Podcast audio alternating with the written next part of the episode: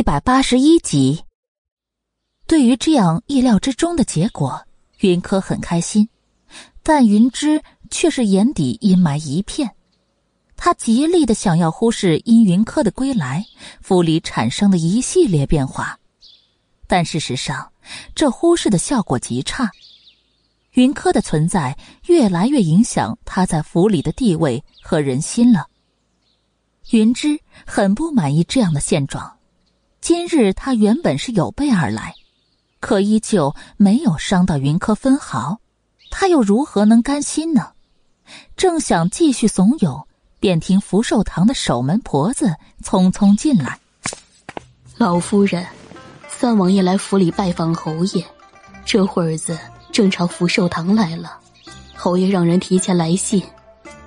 三王爷拜访太儿。”老夫人有些奇怪，想起花神灯会时，三王爷当时将七巧玲珑灯送给了云柯，那么今日来可是因他而来。老夫人第一时间将目光看向云柯，见他正微垂着头，看不出喜怒。倒是一旁的云芝听说三王爷来了，双眼放光。之前听爹爹说，最近时间三王爷对他颇为赏识，难道三王爷特地是为了奖赏爹爹而来？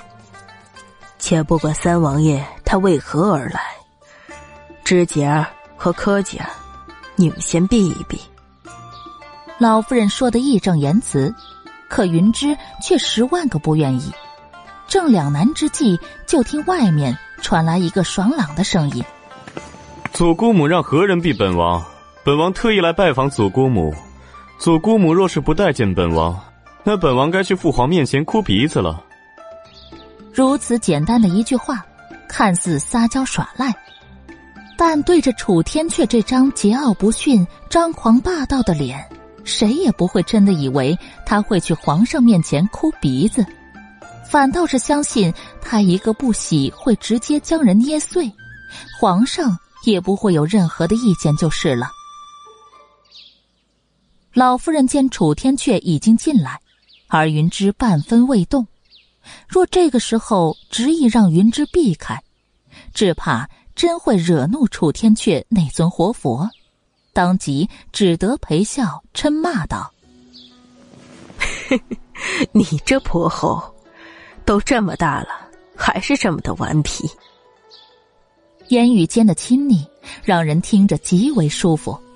楚天却坦然听着，嘴里没大没小的调侃着：“本王这好不容易来看祖姑母，还得被嫌弃。赶明儿祖姑母请本王，本王都不来了的。”老夫人失笑：“你这泼猴，还真是，还不赶紧过来坐。”张嬷嬷。给三王爷上御赐好茶。张嬷嬷手忙脚乱的去准备，楚天却并没有反对，大摇大摆的往前走。经过云柯身边时，却见小姑娘一直低着头，连抬眼看他一眼的心思都没有。楚天却心头一梗，强忍着将小姑娘给搂到怀里，让她抬头的冲动，继续往前走。准备坐到老夫人让出来的主位上。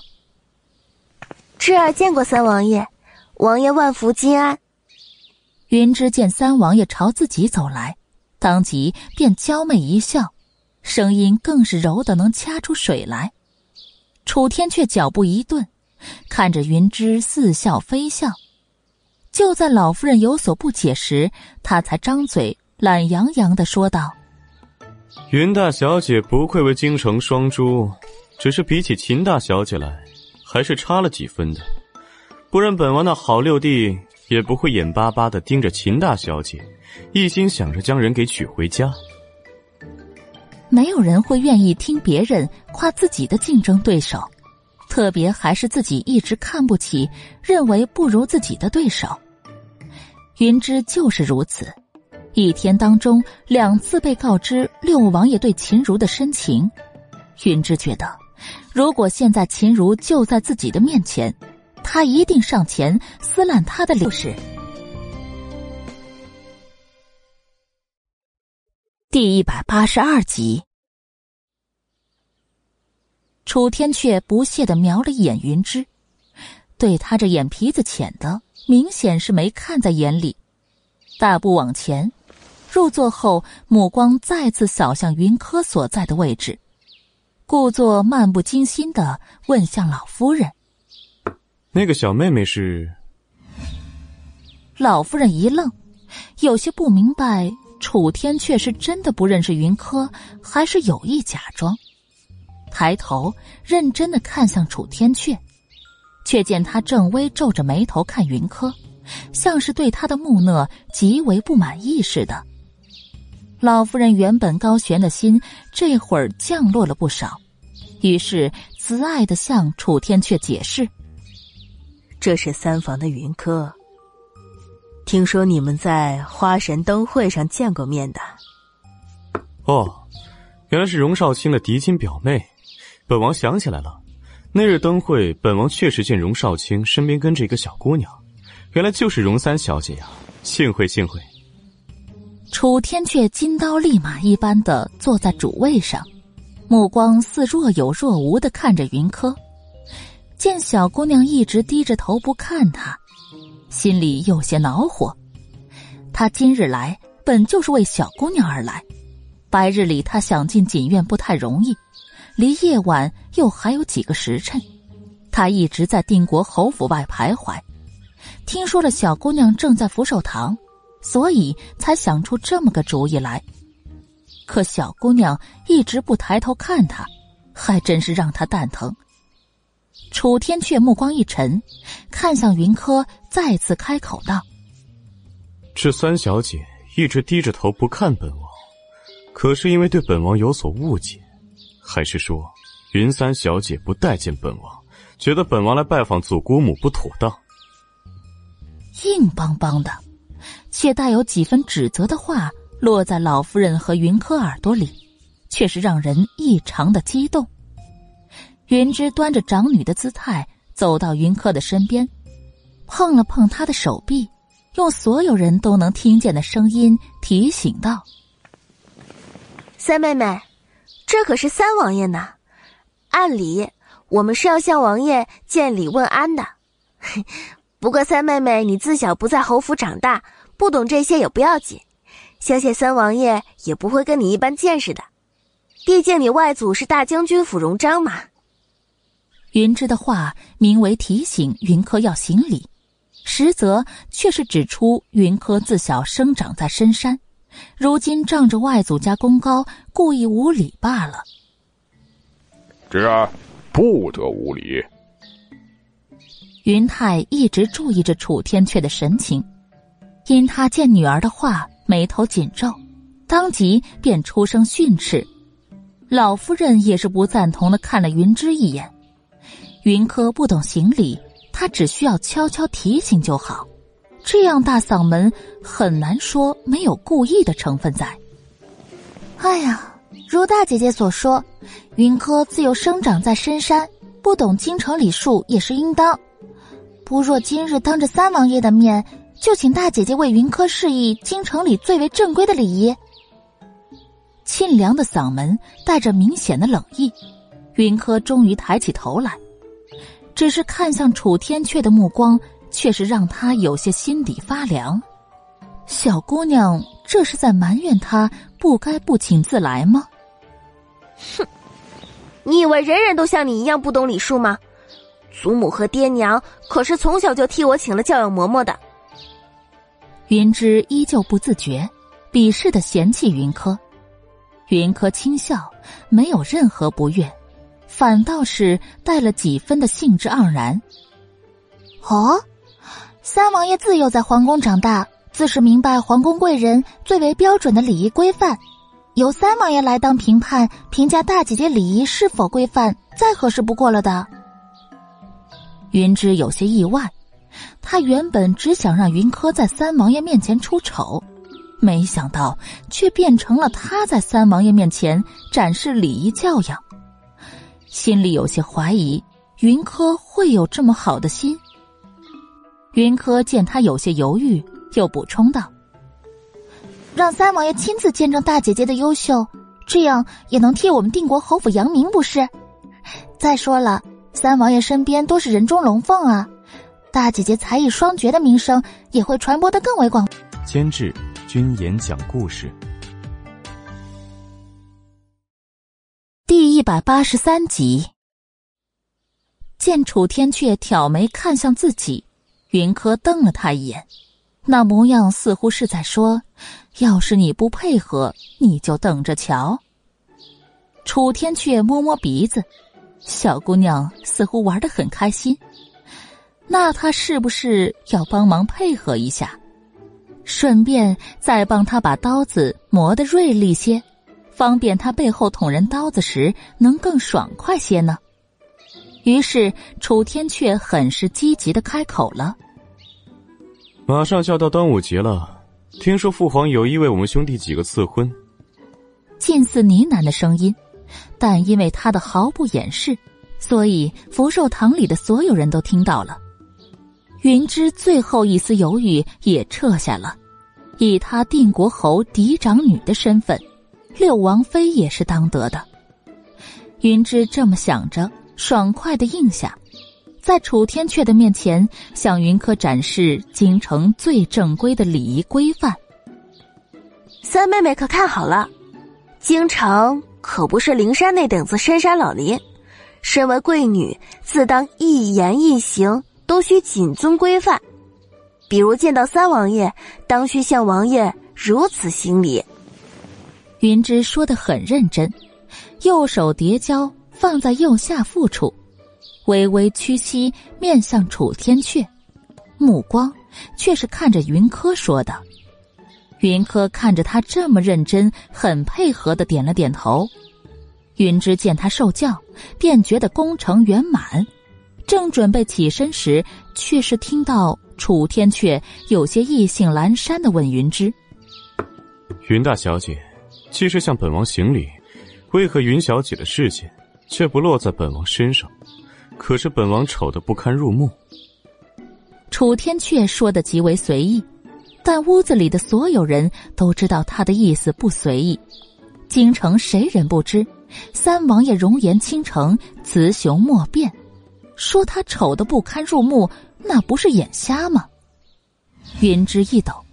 他再自信也不敢得罪楚天阙呀，起身的念头赶紧掐灭，极为虔诚的屈膝站在楚天阙的面前，又俯了俯身。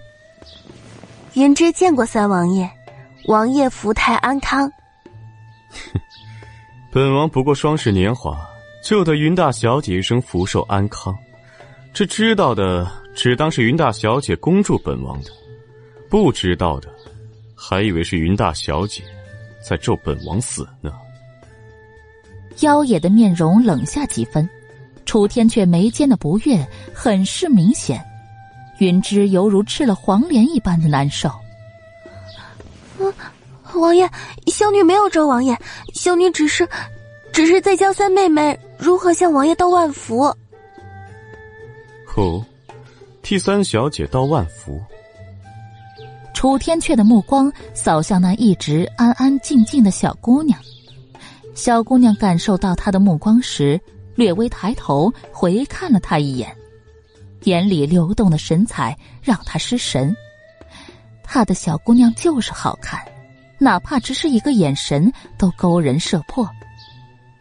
楚天阙看得傻乎乎的，云柯有些无语的瞪了他一眼。然后便将目光转向别处，不再搭理他了。楚天阙有些嫌弃的回神，瞪了云芝一眼，觉得他真是蠢透了。他楚天阙看中的小姑娘，需要他一个愚蠢之人来教吗？哪怕小姑娘见了他什么礼数都没有，他也都是喜欢的。这么想着。楚天阙就恨不得能跟小姑娘独处一会儿。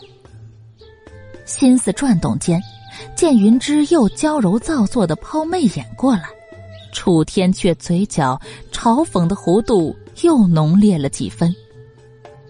哼，本王觉得皇宫贵人们的礼仪规范与云大小姐的这些似乎有些不同，既然云大小姐要教人，自然是要教最为规范的。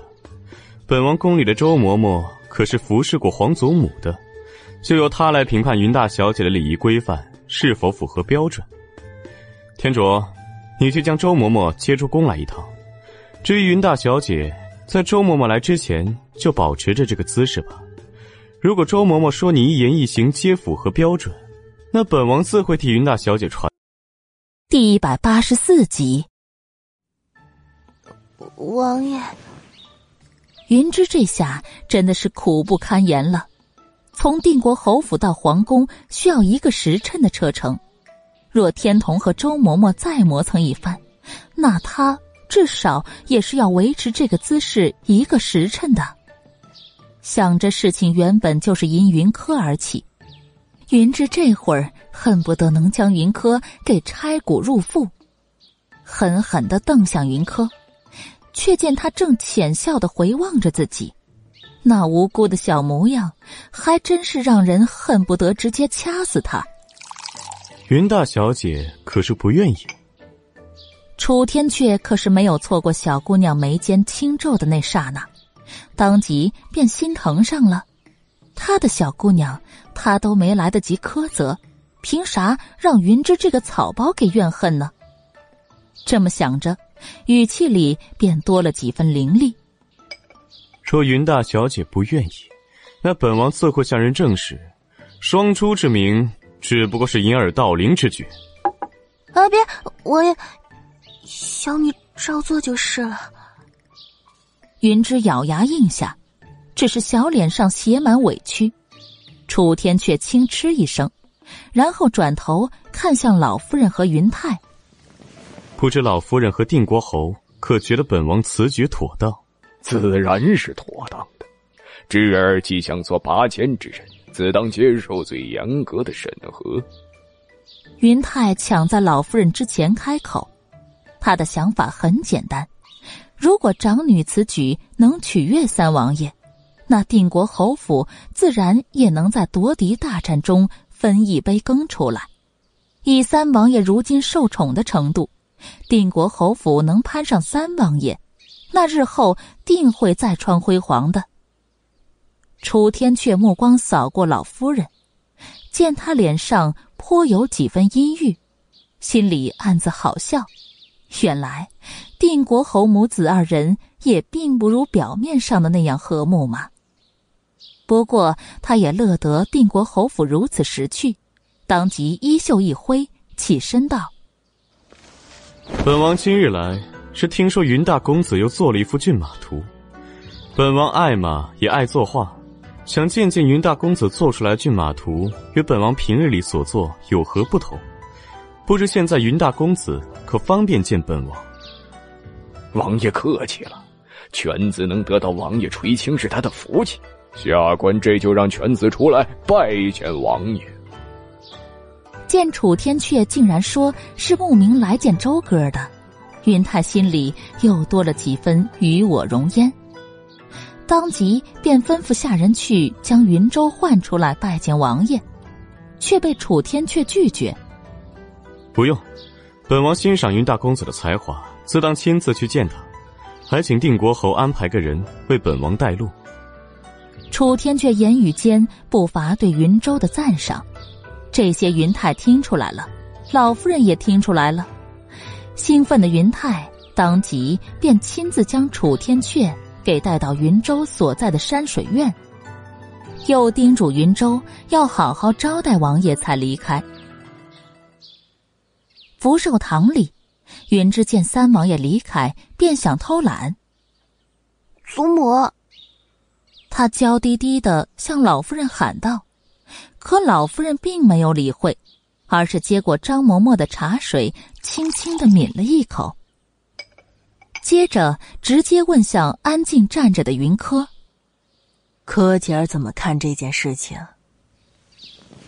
啊，不知老夫人问的是堂姐当着外人的面让我下不来台的事情，还是问的堂姐班门弄斧的事情呢？云柯冷嘲。既然心里对老夫人已经没了当初的期盼，那他也就没必要再客气了。云柯，你什么意思啊？什么叫我班门弄斧？还不是因为你丢人！我可是为了我们定国侯府着想。要是让三王爷知道我们定国侯府的姑娘都像你一样的没用，那日后谁还会高看我们定国侯府的姑娘啊？云芝振振有词，丝毫不觉得自己刚刚的行为有何不妥。故事第一百八十五集。堂姐的嘴还真是厉害呢！三王爷是以晚辈之礼前来拜见老夫人，这样的情况下，我们闺阁女子本就应该回避的，哪怕是回避不及，也当降低自己的存在感。可是堂姐你呢？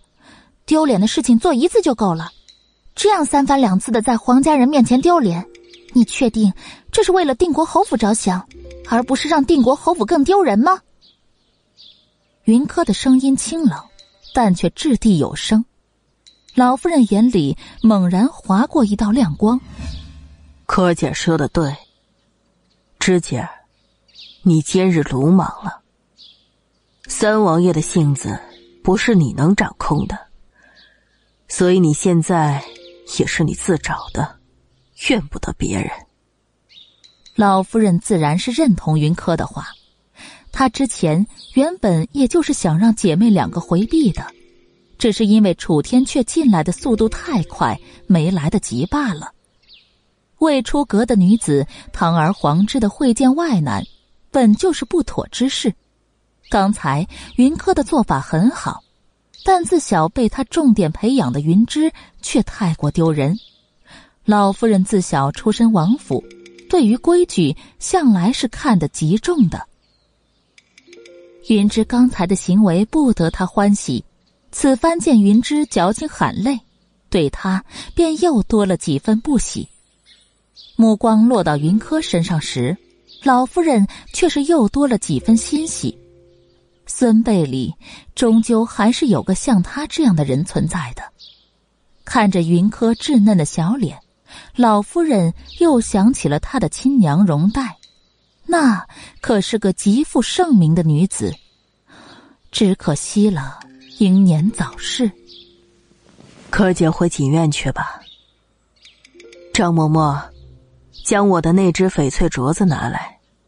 正当大好年华，自然艳丽些的，整是素净，难得失了颜色。将镯子亲自套上云柯的手腕。老夫人言语间似乎多了几分温情，云柯倒也没有推辞，不卑不亢的道了谢，然后便领着韩秋出了福寿堂。见他离开，老夫人眼底的颜色又深了几分。刚刚三王爷惩罚云之时，看似为云柯打抱不平，但整个过程都没有多看云柯一眼，离开时也并没看云柯。他的心也可以放下来了。既然云柯的存在并没有影响到武阳，那他自然是乐得亲近云柯的。毕竟这也是他的嫡亲孙女，还是个能笼络将军府的嫡孙女。小姐，老夫人为何要赏赐你镯子？韩秋悄悄的问。他觉得老夫人此举让人甚是不解。他不是韩月，他看问题向来是透过现象看本质的。老夫人对自家小姐向来是防着几分的。云柯被韩秋如此发问，并没有不悦，反而是多了几分欣赏。韩秋总是能如此一针见血，大概是他觉得我没了威胁，想笼络我吧。不用管，平时怎样，以后还怎样。对于老夫人，云柯经历了刚回京时的满心倚仗，到后来荣巧母女陷害老夫人旁观时的寒心，再到确认老夫人对武阳郡主的偏心，云柯觉得，只要老夫人没有作死犯到他手上来，他还是可以与之和平共处的。很多时候，他还是要借老夫人东风的。不过。但若老夫人为了自己的利益算计他云柯的话，那就另当别论了。韩秋点头表示知道了，云柯也不多说，主仆二人往锦院方向走着，绕过葱郁的花园，眼看着马上就要走到锦院前的小道，云柯被突然窜出的人影给拉进了假山里。韩秋一惊，马上想追，却被人给阻拦了去处。他抬头一看，似乎正是三王爷身边的天童。监制：君言讲故事，第一百八十六集。定国侯府当年可是御赐府邸，修建的极为豪华，这假山更是布置的极大。假山下还藏有一个山洞，山洞里云柯被楚天阙给压在狭小的空间里。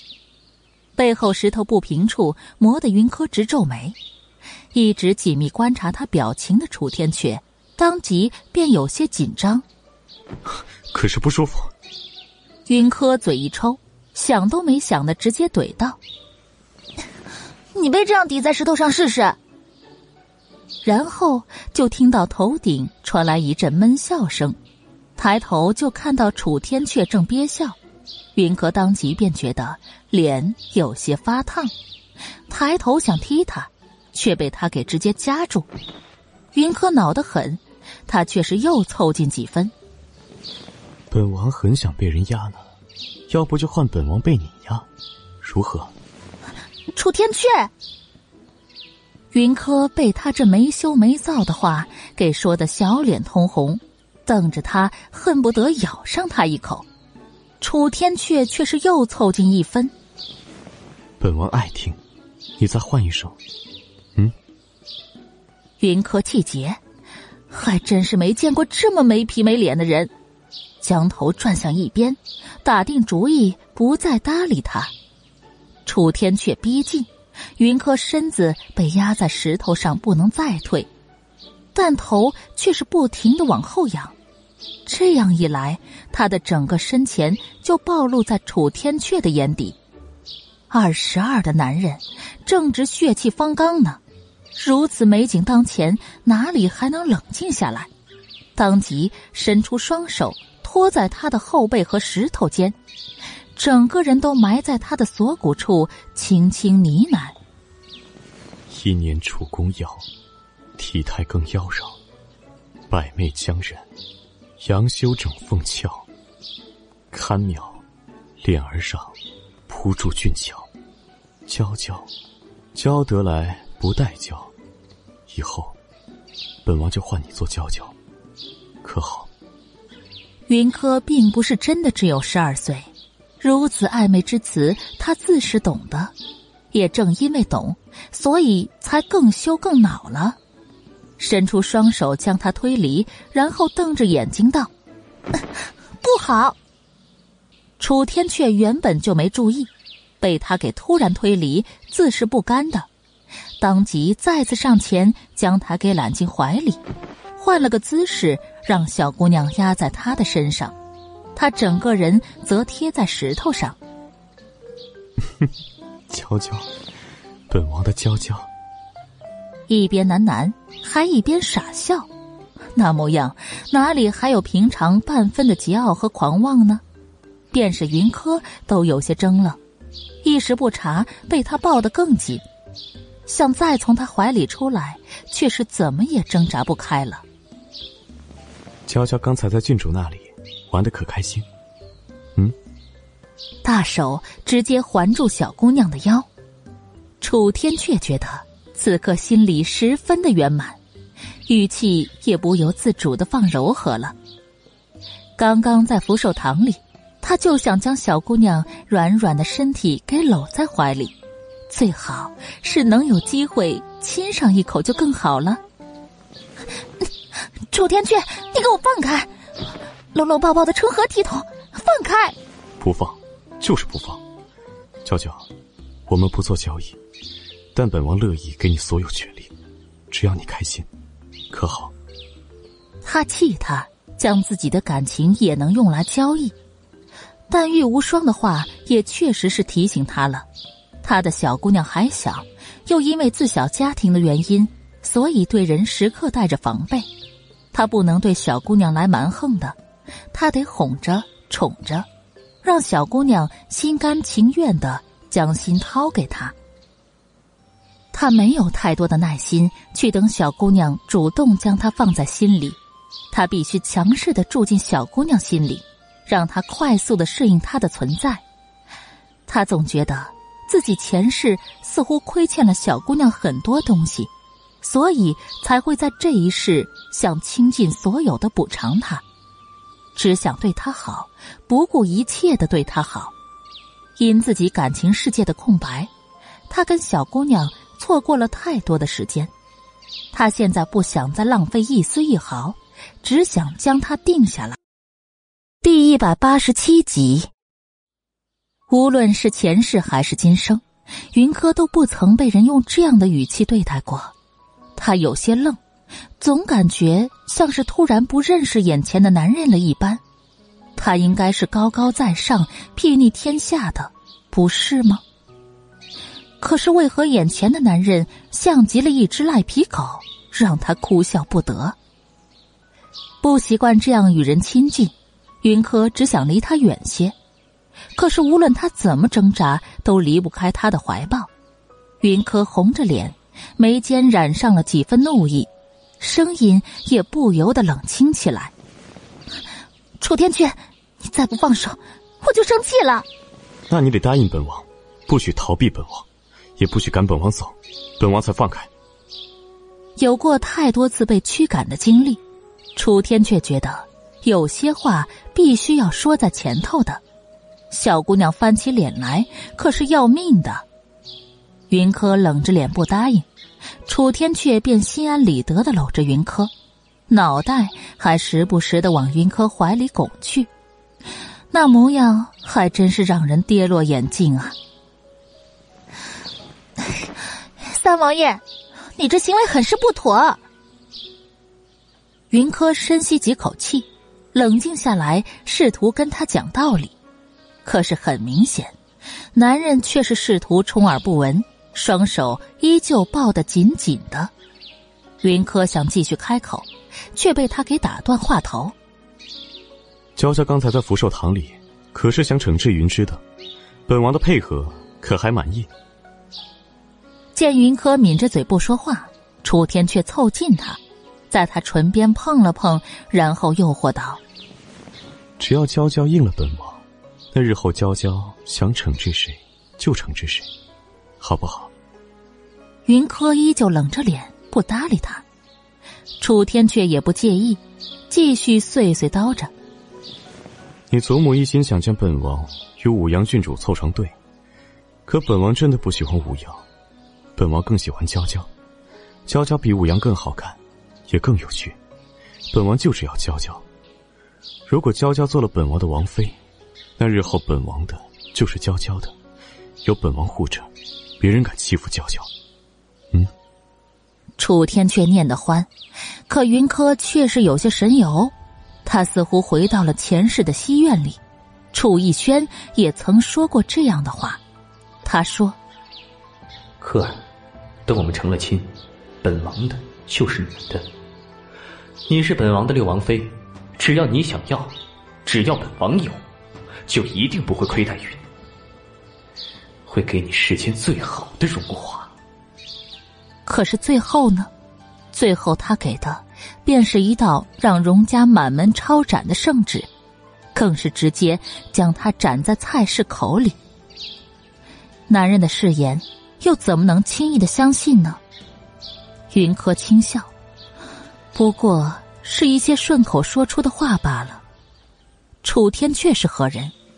当即便敏感的察觉到怀里人儿的异样，他将小姑娘给稍稍推离了些，以便自己看清她脸上的表情。在看到她满脸冰冷时，心里懊恼大过惊讶，暗骂自己只顾着自己说的爽快，却忽略了小姑娘的心情。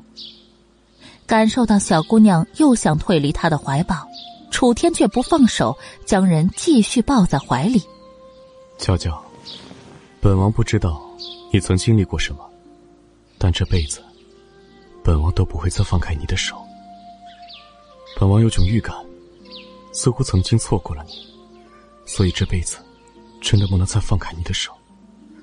本王会给你时间，让你适应本王的存在，但这个时间不会太久。本王也没有太多的耐心来等你适应。本王只想要你同等的回应，娇娇。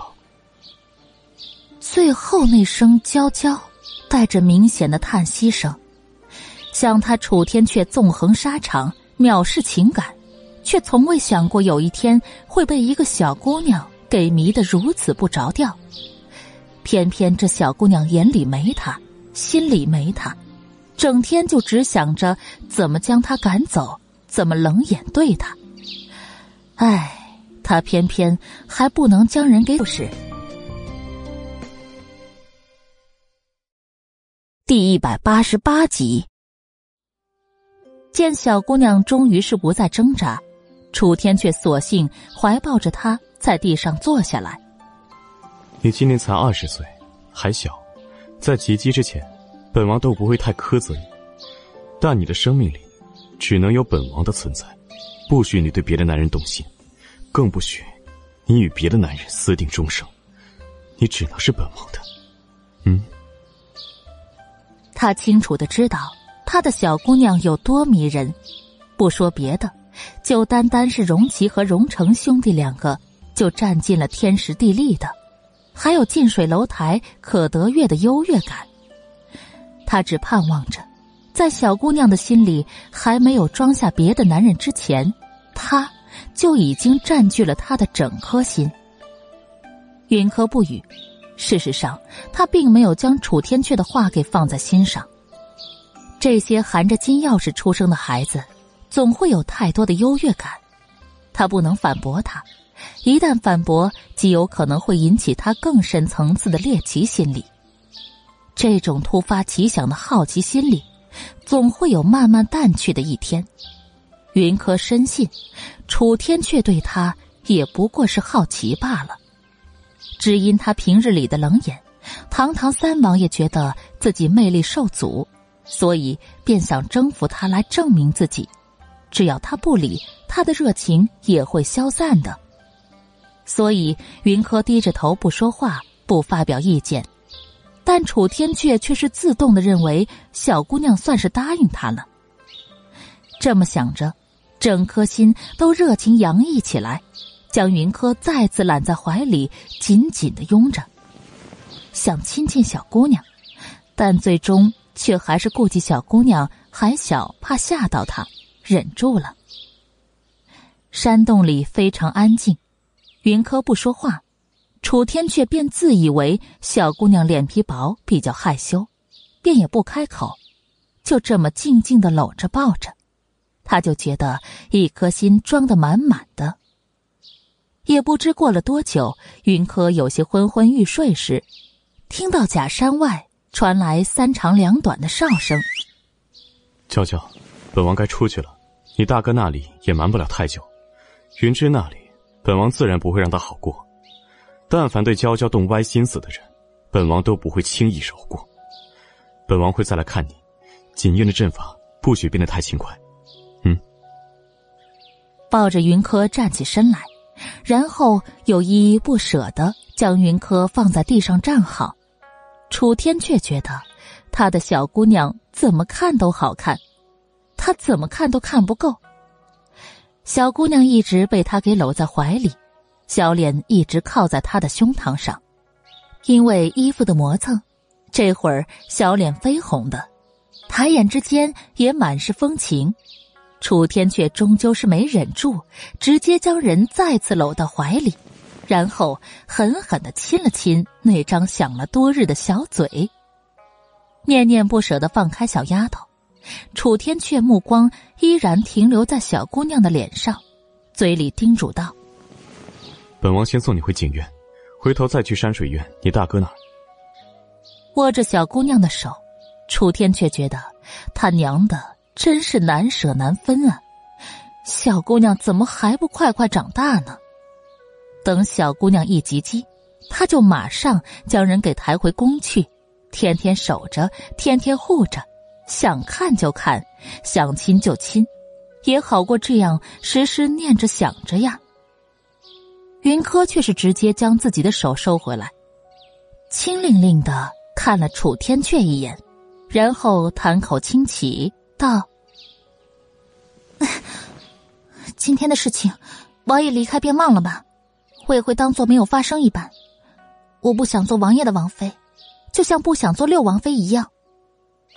说完，也不管楚天阙脸上是何表情，便直接离开。他知道自己这么做有些不近人情，甚至说得上矫情。可无论是体力还是武力，自己都不及楚天阙。这样的众目睽睽之下，他是不能如何的。但这并不代表着他就要妥协。任由楚天阙为所欲为，他云柯不想做的事情，依旧是没人能逼迫的。看着小姑娘离开的背影，楚天阙脸一黑，都被他搂过抱过了，还想跟他撇开关系，也要看他愿意。监制：君言讲故事，一百八十九集。楚天却黑着脸离开假山，纵身跃入山水院中。王爷下次拿草民当法子的时候，可否提前让草民知晓？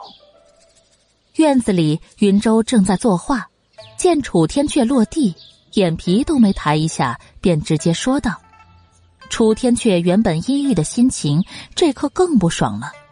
这兄妹两个是轮着气人的，是不是？”云舟。你说，如果本王这就对外宣布，其实你是本王的男宠，你说你爹会不会立刻把你打包送到本王宫里？大喇喇的在院子里唯一的太师椅上躺下，楚天却没心没肺的威胁，眉眼间的风情展露无遗。三王爷为人放浪，虽然追着他跑的女子不计其数。但却从来不曾听说他对哪个女子别眼相待，也有不少朝臣猜测，三王爷其实不爱美人，爱爷们儿。若真楚天却当众宣布他对云州的不同，自是有一大堆人相信这话真实的。云州执笔的手稍稍僵滞片刻，然后又马上自然，云淡风轻的回了楚天阙一句。如果王爷舍得下自己的名声，不介意被你的心肝误解的话，草民自是不在意的。得，楚天阙当即便只能恨恨的瞪上云舟一眼，其他的不能再多提一个字了。名声那是什么鬼？他自是不在意的，但他却是在意让他的小姑娘误解，好不容易才强势靠近了他几分。要真让他误解他跟云州有一腿，不用想，小姑娘肯定是不会再搭理他的了。这么想着，楚天却便觉得心烦气躁的，郁闷的一手抄过桌上的茶，粗鲁的喝了一口，然后直接吐了出来。呸！这是什么破茶？这可比不得三王爷的宫里，一个不堪大用的弃子而已。又如何当得起好茶相配？云舟有些自嘲，目光清扫那被楚天阙吐出来的茶屑，眼里阴晴不定。你就作吧，真要作出个好歹来，你就会后悔的。翻个白眼，楚天阙也没了喝茶的兴趣，百无聊赖的靠在椅子里想着，离开定国侯府前再去一趟锦院。见到小姑娘的几率会有多大？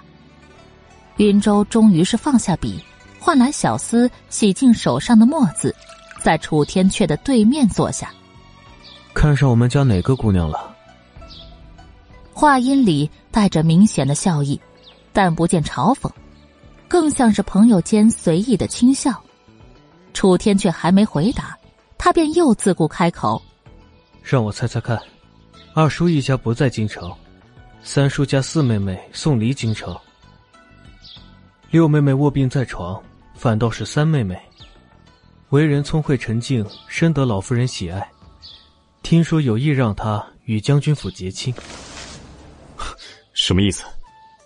楚天阙却是再也冷静不下来，腾的坐起身子，目光阴直的盯着云州。与将军府结亲是什么意思？虽然知道将军府一家对小姑娘的待见，但他的人都还没打听出将军府的动静。云州这话是什么意思呢？楚天却心里急上了。如果真让荣成、荣其兄弟抢了先，那小姑娘肯定就将他给忘到脑后了。想着就觉得气闷的很。他看中的小姑娘死也不让。见他这么着急，云州却是突然笑开了。看来王爷是相中了三妹妹。见楚天阙并没有反驳，云州脸上的笑容又深了几分。三妹妹自幼跟随蓝衣师傅深山学艺，性子喜爱都与金钟贵女不同，想来王爷还没能俘获三妹妹的芳心。这不是询问句，而是肯定句。楚天阙听得真切，抬头就看到云州眼里来不及收拾的幸灾乐祸。第一百九十集。于是楚天阙脸更臭了。小姑娘原本就是特别的，他看中小姑娘有什么好好奇的？平常的胭脂水粉，他又怎么可能看得上呢？云州，别以为本王纵着你，你就可以随意的往本王心口上撒盐，惹怒了本王，本王才不会管你是不是他的兄长。说到兄长，楚天却又想到将军府的那两只。为什么小姑娘身边会有这么多的兄长？一会儿表哥，一会儿堂哥的，真是让人讨厌。王爷对三妹妹可是真心？被楚天却斥责，云州也不恼，只是想到脑海中的那双冷清眸子，云州觉得自己还是应该替他把把关的。何为真心？本王不知道，本王只知道，本王想要他。那要她的念头，比上战场建功立业还要浓烈。本王不能接受她嫁给任何别的男人。有关于她身边的那些烂桃花，本王会一一斩尽。她的身边只能有本王一人。楚天阙衣袖一扫，桌上留有的茶盏茶杯全部被扫落在地。四目相对，云州看到了楚天阙眼里的狂傲和对云柯的势在必得。唉。你叹什么气？可是不相信本王的话？楚天阙黑下脸来，他难得动一回情，为何什么人都这么扫他的兴呢？三妹妹那性子，她要钟情于你，自会倾心为你付出，那也是你的幸运。可若是她无意于你，任你耍尽心机，也是不能得她半分的。真不知你为何要找虐？有句话。云州没有明说，看楚天阙刚刚那黑脸就知道，三妹妹还没与他心意相通。这样一来，楚天阙势必还有很长一段路要走。依他三王爷的身份和地位，想要什么样的姑娘他都会有。可他偏偏看中了自幼不在京城长大的三妹妹，说是找虐，并不为过。你不说话。没人会把你当哑巴。楚天阙脸更黑了，他当然知道小姑娘现在心里还没有他，可这样被人当面说出来，到底有没有考虑过他三王爷的颜面啊？楚天却感觉这山水院他是待不下去了，长袖一甩便准备走人。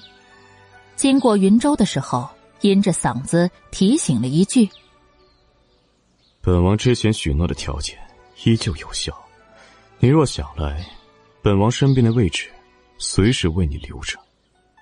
云州面上一愣，眼底陡然升温，然后又恢复平静，朝楚天阙的背影作以揖：“多谢王爷宠爱，只是云州并不愿意参与皇党之争，让王爷失望了。”哼，云州，你日后若是来求本王。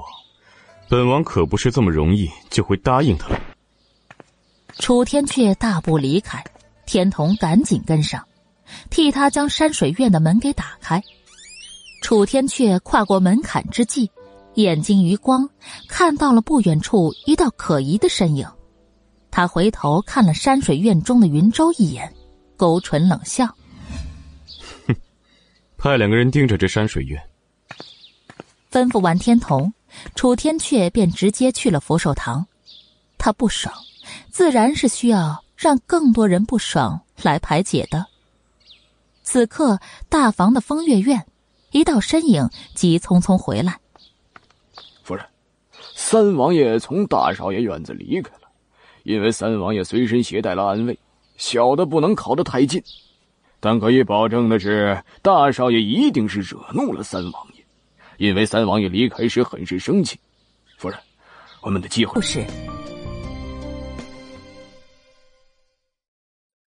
第一百九十一集。楚天阙从山水院离开，便直接去了福寿堂，天卓已经带着周嬷嬷到了。见到他来，周嬷嬷赶紧上前行礼。三王爷，楚天阙点点头，朝云芝的方向示意周嬷嬷。云大小姐闻名京城，太后娘娘听闻多番夸赞，嬷嬷帮忙看看云大小姐礼仪可有不周到之处，免得到时候入宫冲撞了太后娘娘。云芝原本已经屈膝站得全身发软。这会儿听到楚天阙的声音，又打起几分精神来，暗自安慰自己：三王爷是真的希望他能一鸣惊人，并不是故意针对他的。这么想着，云芝又挺直了脊背，更加谦逊的微收下巴。周嬷嬷是宫里的老人，后来太后将她赐到楚天阙的身边，主仆数年。周嬷嬷自然是知道楚天阙性子的，当即便上前围着云芝转了一圈。云大小姐，拜见贵人，你得一笑，得让人知道你是喜悦的。你如此垮着一张脸，可是想告诉众人，你并不愿意入宫，或者说，是想向世人展示，定国侯府苛待于你。云芝脸一僵。此刻他哪里还笑得出来呀？双腿都有些打颤了的。可周嬷嬷说了，他不能无视，只得挤出几分笑容来。可周嬷嬷的眉头一直紧锁着，好不容易不再纠结云芝的笑容，又开始指责云芝手放的位置不标准，再接着便是屈膝的弧度不对。云芝几时受过这样的苛责？脾气上来。朝着周嬷嬷就开怼，嬷嬷何必强人所难？没人能做到的事情，为何偏偏要为难于我？云大小姐认为，老身是为难于你。周嬷嬷也不动气，冷眼扫了云芝一眼，见云芝仍然不知悔改，当即便沉下脸来，直接走到老夫人的面前，朝老夫人行了一个极为标准的主仆之礼。刚刚他对云芝说的要点难点，在这么一个动作当中完全体现了出来。老奴斗胆请郡主评判一下，老奴刚才所言是否有过之？嬷嬷请起。老夫人亲自下座来，将周嬷嬷一把扶起。周嬷嬷也并没有推辞。就着老夫人的手劲，便直接起身。嬷嬷的规矩礼仪无可挑剔，三王爷请嬷嬷过来指点，再合适不过了。一句话，既证明周嬷嬷刚刚说的没错，同时也算是全了楚天阙的脸面。周嬷嬷不出声，脸上的冷意依旧未散。老夫人眼里恼意一闪而过。走到云芝面前，斥责道：“芝姐儿，你一直都是我们大家的骄傲，全府的女儿家也都是以你为榜样。可是，如今你做的不够好，周嬷嬷的规矩，可是连太后娘娘都称赞的。能得她的指点，是你的福分。”你还不赶紧向嬷嬷道歉，重新来过？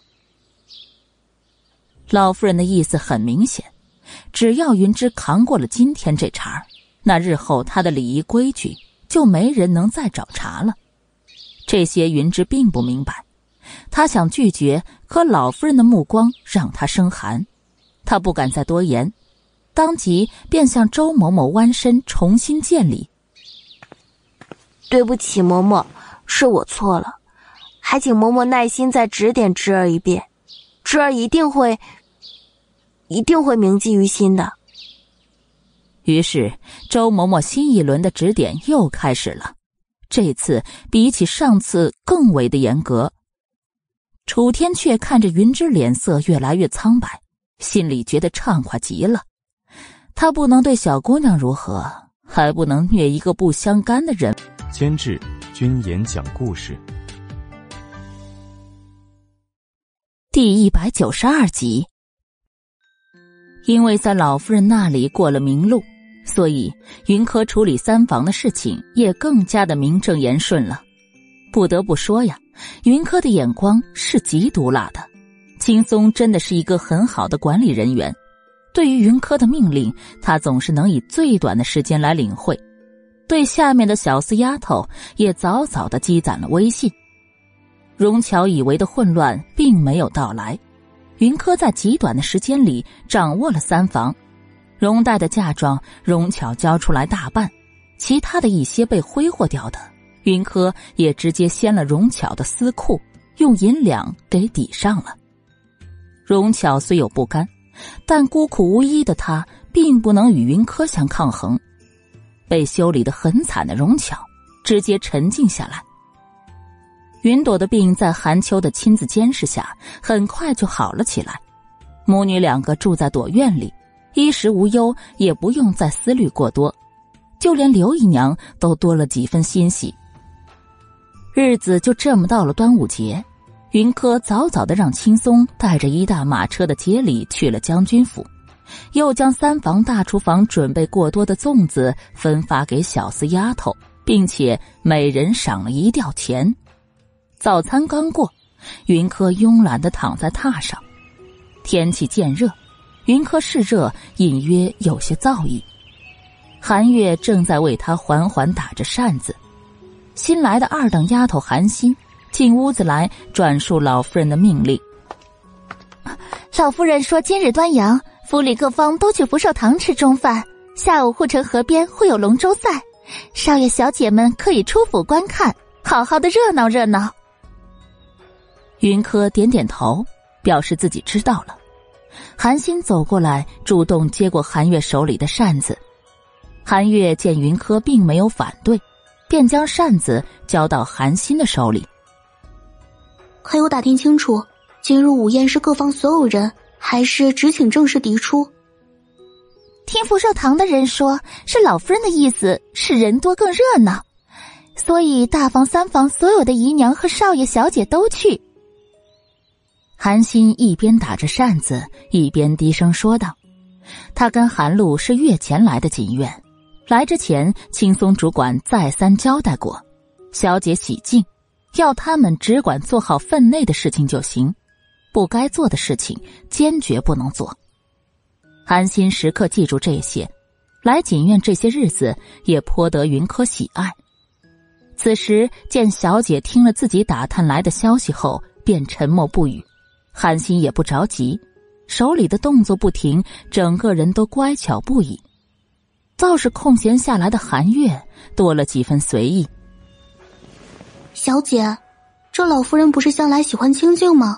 怎么又突然要大房三房齐聚共度端午了？老夫人喜欢清静，这话不假。自云芝那日被周嬷嬷指点后，老夫人便病倒了。府医并没有诊断出个所以然来，说道：“是老夫人心情郁结，老夫人便索性免了各房的请安。云柯也过了数日的清静日子。此番韩月的疑惑，也正是云柯所不解的地方。他侧头问韩心：‘啊，你可知道以往侯府是如何过端阳的？’”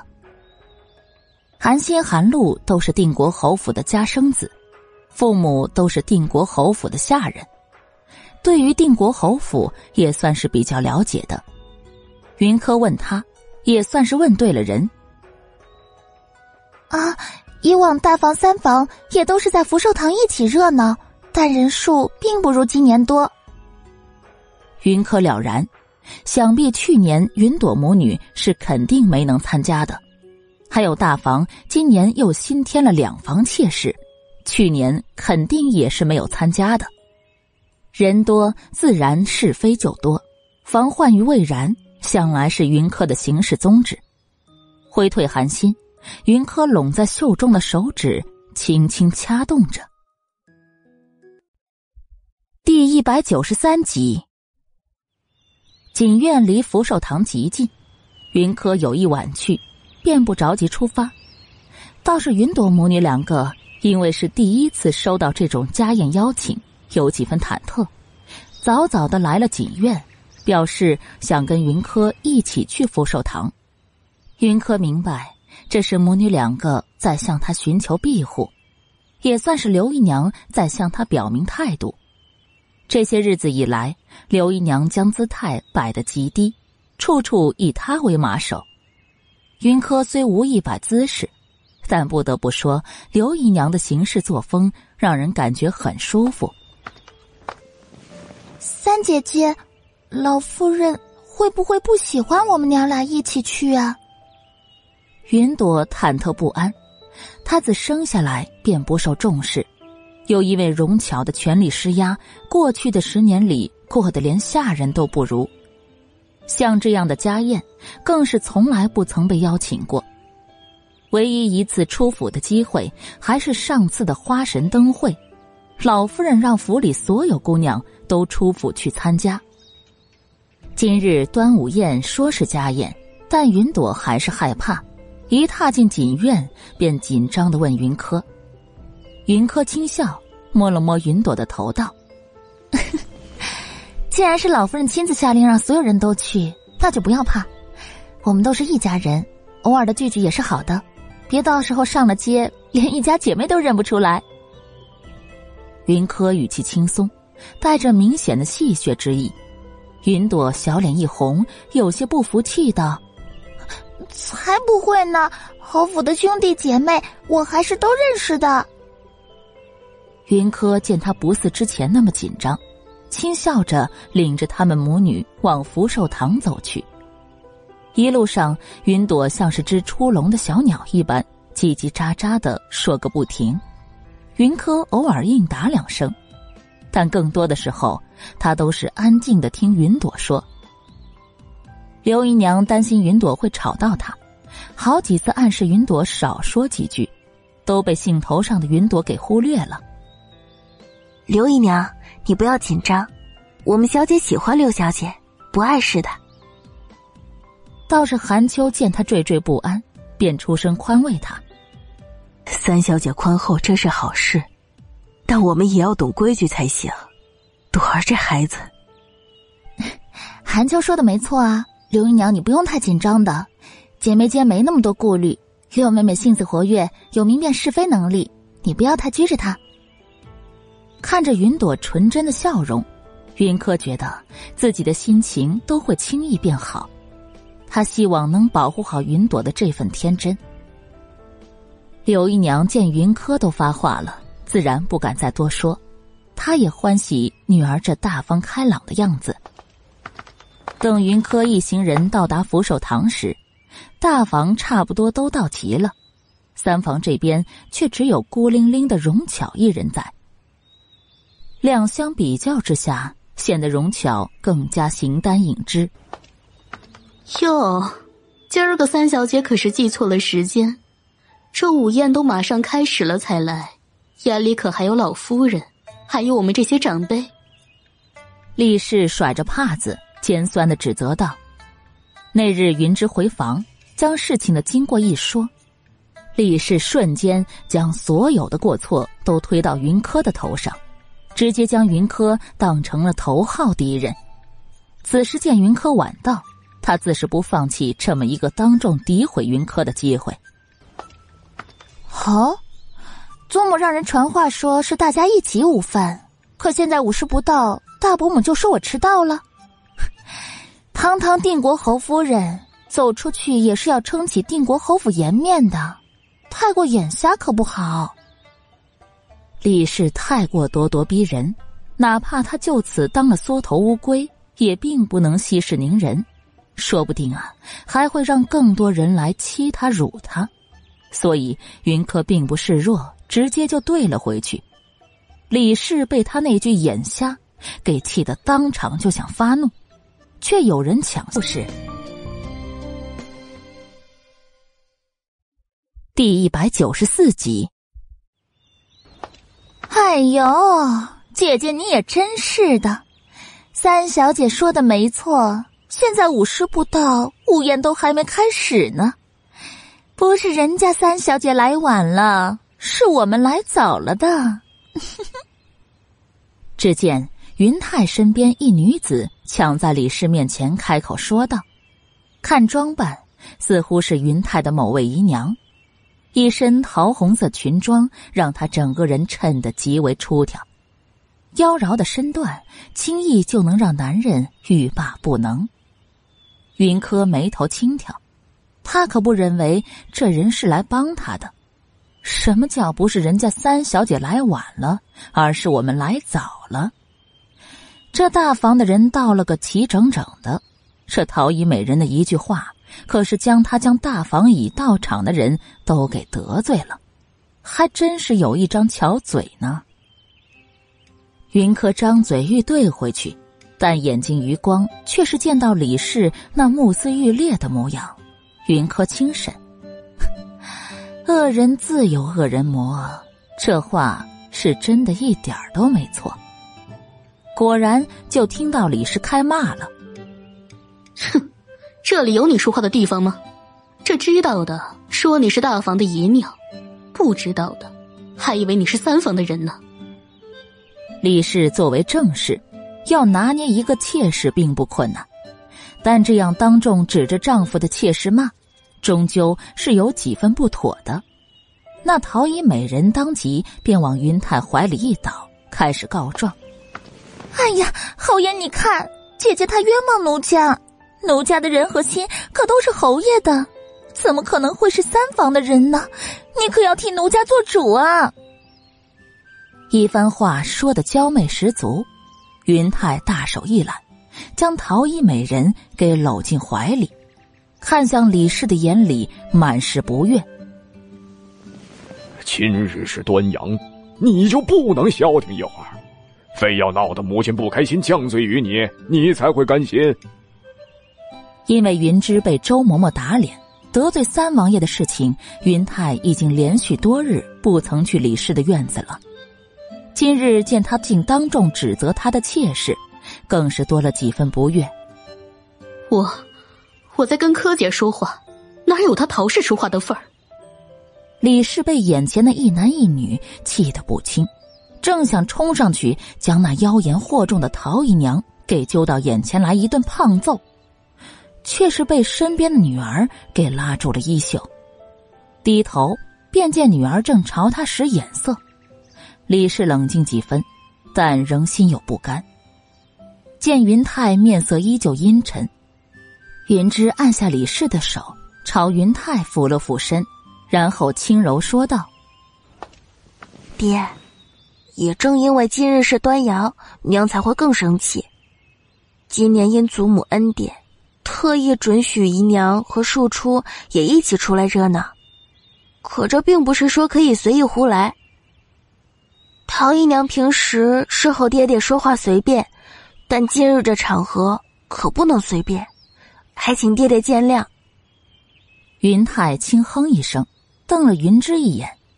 这个女儿是他花大价钱培养出来的，可到目前为止都还没有让他收到回报。这样的结果让他对云芝多了几分失望，但好在他并没有理智全无，见云芝拼命的朝他使眼色，便跟随云芝的目光朝云柯的方向看了过去。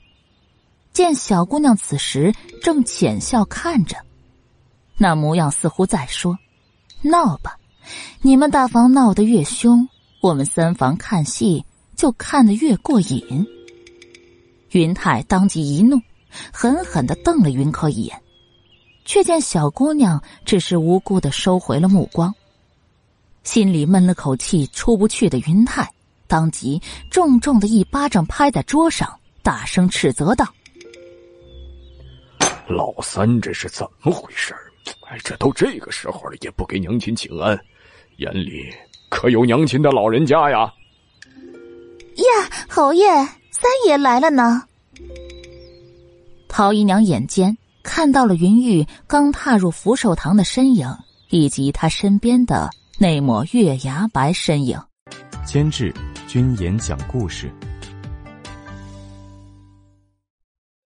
第一百九十五集。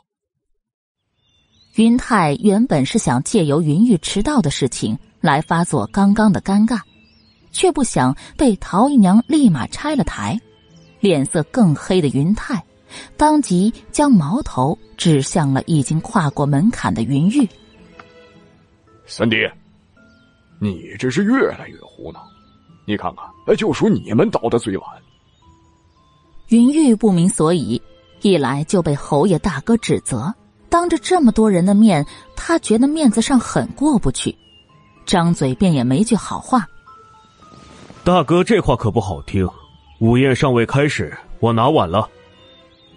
兄弟两个谁都不愿意认错，众目睽睽之下就这么争吵起来。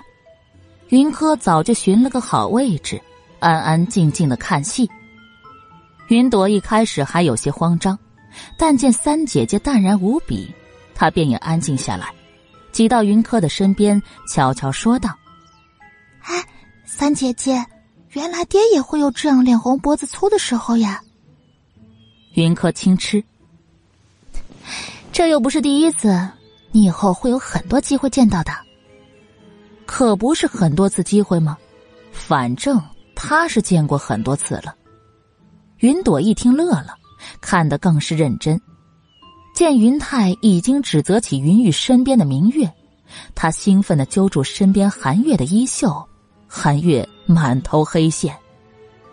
月姨娘，今日是端阳节，你这穿的像是家里死了人，你这是什么意思？是想咒我们大家早死吗？云泰是真的气坏了，没想到平日里对他还算尊重的三弟，今日却当着这么多人的面一点面子都不给他，这让云雨心里如何能平静下来呢？顾着长兄如父的古语。他不能太过苛责三弟，但却可以随意的说一个低贱的姨娘，不是吗？可云玉对明月的新鲜感可还没过呢，哪里舍得别人如此说他？这个别人，还是让他气上心头的大哥，当即矛盾便被扩大化。眼看着就要动手了，内室里传来一声巨响。然后便是老夫人中气十足的声音传来：“你们是不是都当我是个死的？”云泰、云玉吓得不敢再多说一个字，陶姨娘和岳姨娘更是吓得直接跪倒在地。李氏则是明显的幸灾乐祸，在被云芝推了一把后，他倒是聪明了一回，也往前一跪：“老夫人赎罪。”是儿媳没用，没能管好房内妾室，请老夫人责罚。李氏的话看似自责，但实则却是以高人一等的身份服侍陶姨娘和岳姨娘，甚至是云柯和荣巧。老夫人又岂会有听不明白的？她扶着张嬷嬷的手从内室里走出来，经过李氏时，连稍微停顿都没有，直接越过。走到自己的主位上坐下，老夫人不说话，整个扶手堂里都安静异常。云朵见云柯低垂着头不说话，当即也老实的低头，不敢乱看了。云泰扫视一圈，然后往老夫人面前又站了两分。娘亲，是儿子不孝，请娘亲责罚。儿子刚刚只是一时气话，并没有要跟大哥对着干的意思，请娘亲明鉴。云玉也不甘落后，当即出列请罪。你们是不是觉得，如今的定国侯府辉煌依旧，足够让你们再随意的挥霍百年？老夫人声音阴沉，眉间皱得死死的。这一刻，她不仅仅是定国侯府的老夫人，还是距离皇权最近的洛阳郡主。云玉不说话，她这个爵位本就是世袭的，定国侯府在她手上，别说再创辉煌了，就连保持现状都有些困难了。这是他的痛点，也是心虚之处。第一百九十六集。我跟你们说过很多次，攘外必先安内，家宅不平，何以平下？嗯，可是你看看，你们是怎么做的？一个个的都被后院困住了脚。你们是要看定国侯府败在你们的手里，你们才会安心，是不是啊？儿子不敢。云玉、云泰兄弟二人一同跪在地上请罪，可老夫人的怒气并没有减轻，眉间的川字反倒是皱得更紧了。嗯，你们我是指望不上了，我只希望我的周哥能有出息点儿啊。老夫人有些悲鸣。他有三个亲生儿子，可却偏偏没有一个成器的。老大安于现状，老三贪图享乐，唯一的老二虽是个拎得清的，但却偏偏倔得像头牛，仗着一身蛮力，当年死活要离京，如今啊也是指望不上的。人家都是一家子齐心协力，将家族办得更兴旺。可偏偏就他这定国侯府日益衰落，真到了那日，他又如何去九泉之下见他的老侯爷呀？老夫人，你注意身子呀！这偌大的侯府，还得靠您支撑着呢。一片安静中，张嬷嬷轻声的安慰着老夫人。老夫人扫视整个堂内。目光落在云柯身上时，先是一喜，但随后又有着明显的失望。唉，这个孙女孙与众不同，可终究不是个难玩而且他的身后还有整个将军府在，不是那么轻易就能掌握的。最后，老夫人认命般的提高了几分音量，喊道：“周哥可在？”可是，一连喊了好几声，都不见云州应答。李氏和云芝最先反应过来，好像今日云州并没有跟他们一同过来。很快，云太和老夫人也发现了，云州并不在场。这样的情况可是很少有的。云州身子不算太好，但像这样的重要场合，他从来不缺席。老夫人问李氏：“云州何在？”李氏也回答不出个所以然来。哼，你这都是怎么为人妻为人母的？说周哥无爱倒也罢，说周哥有了什么不好，看我怎么收拾你！老夫人愤怒异常，李氏只能默默的受着。最后还是张嬷嬷提醒：“老夫人，不若派个人去山水院看看情况吧。”或许是大少爷贪凉，多睡了一会儿呢。嗯，你亲自去看看吧，别人去我不放心。老夫人示意张嬷嬷亲自去山水院看看，张嬷嬷点点头，没推辞。等候的时间是漫长的，云柯眉头轻蹙，他算不到山水院里的情况，但心里却有种不太好的预感。偏偏这时，好不容易安静下来的陶姨娘呀了一声，见所有人都看向她，她捂着嘴，像是害怕的说道：“呀，我是突然发现，好像柳妹妹也没来呢。众人一看，果然云泰新收的柳姨娘也没有来。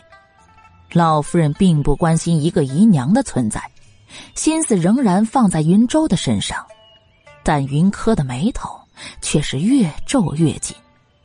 他招手韩秋过来，在他耳边轻声嘀咕了几句。然后便见韩秋悄声离开。今日荣巧一直都在努力遮掩自己的存在，将全部的注意力都放在云柯的身上。见韩秋突然离开，他也招来玉嬷嬷，要他跟上韩秋。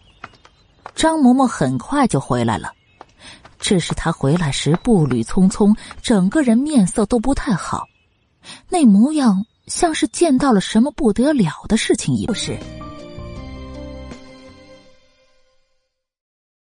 第一百九十七集，见他这个模样，老夫人的心也跟着提了起来。主仆多年，她并没有当众问张嬷嬷山水院发生了何事，而是静待张嬷嬷走到她的身边，然后凑近她的耳边禀告。待张嬷嬷禀告完毕，所有人都看到老夫人一张脸，顿时便完全白了下来，撑着张嬷嬷的手，便要起身往外走。云泰、云玉发现事情不对，便也要跟着往前走。老夫人回过神来，转身对着他们说道：“你们都在这儿候着，我去去就来。”云泰、云玉一愣。有些拿不定主意，但陶姨娘却是嘀咕道：“哎呀，张嬷嬷从山水院而来，老夫人如此行色匆匆，可是大少爷那儿出了什么大事？”云泰眼神一暗，并没有反对陶姨娘的话，往前的步子又加大了几分力度。老夫人狠狠的瞪了陶姨娘一眼，正想斥责于她。偏偏李氏也赶来凑热闹。娘，周格那里到底发生了什么事情？您倒是让我们大家一起去看看呢。李氏担心儿子，所以对于老夫人将他们隔离在外的行为很是不满，也压根没有想到山水院里正发生的事情极有可能会影响到儿子以后的一生。老夫人被李氏这话给气得一梗。险些一口气喘不上来，最后只得恨恨咬牙道：“好，周哥迟早会被你这个蠢妇给害死。”说着，老夫人便转身又匆匆往前。李氏被当众斥责，脸色很是不好看。偏偏陶姨娘还趁着云泰大步往前之际，凑到他的身边来：“姐姐。”周哥会感谢你这个好母亲的，因为是你亲自将他给推落至深渊的。我要替我家陈哥感谢你呀，谢谢你替他扫清了道路。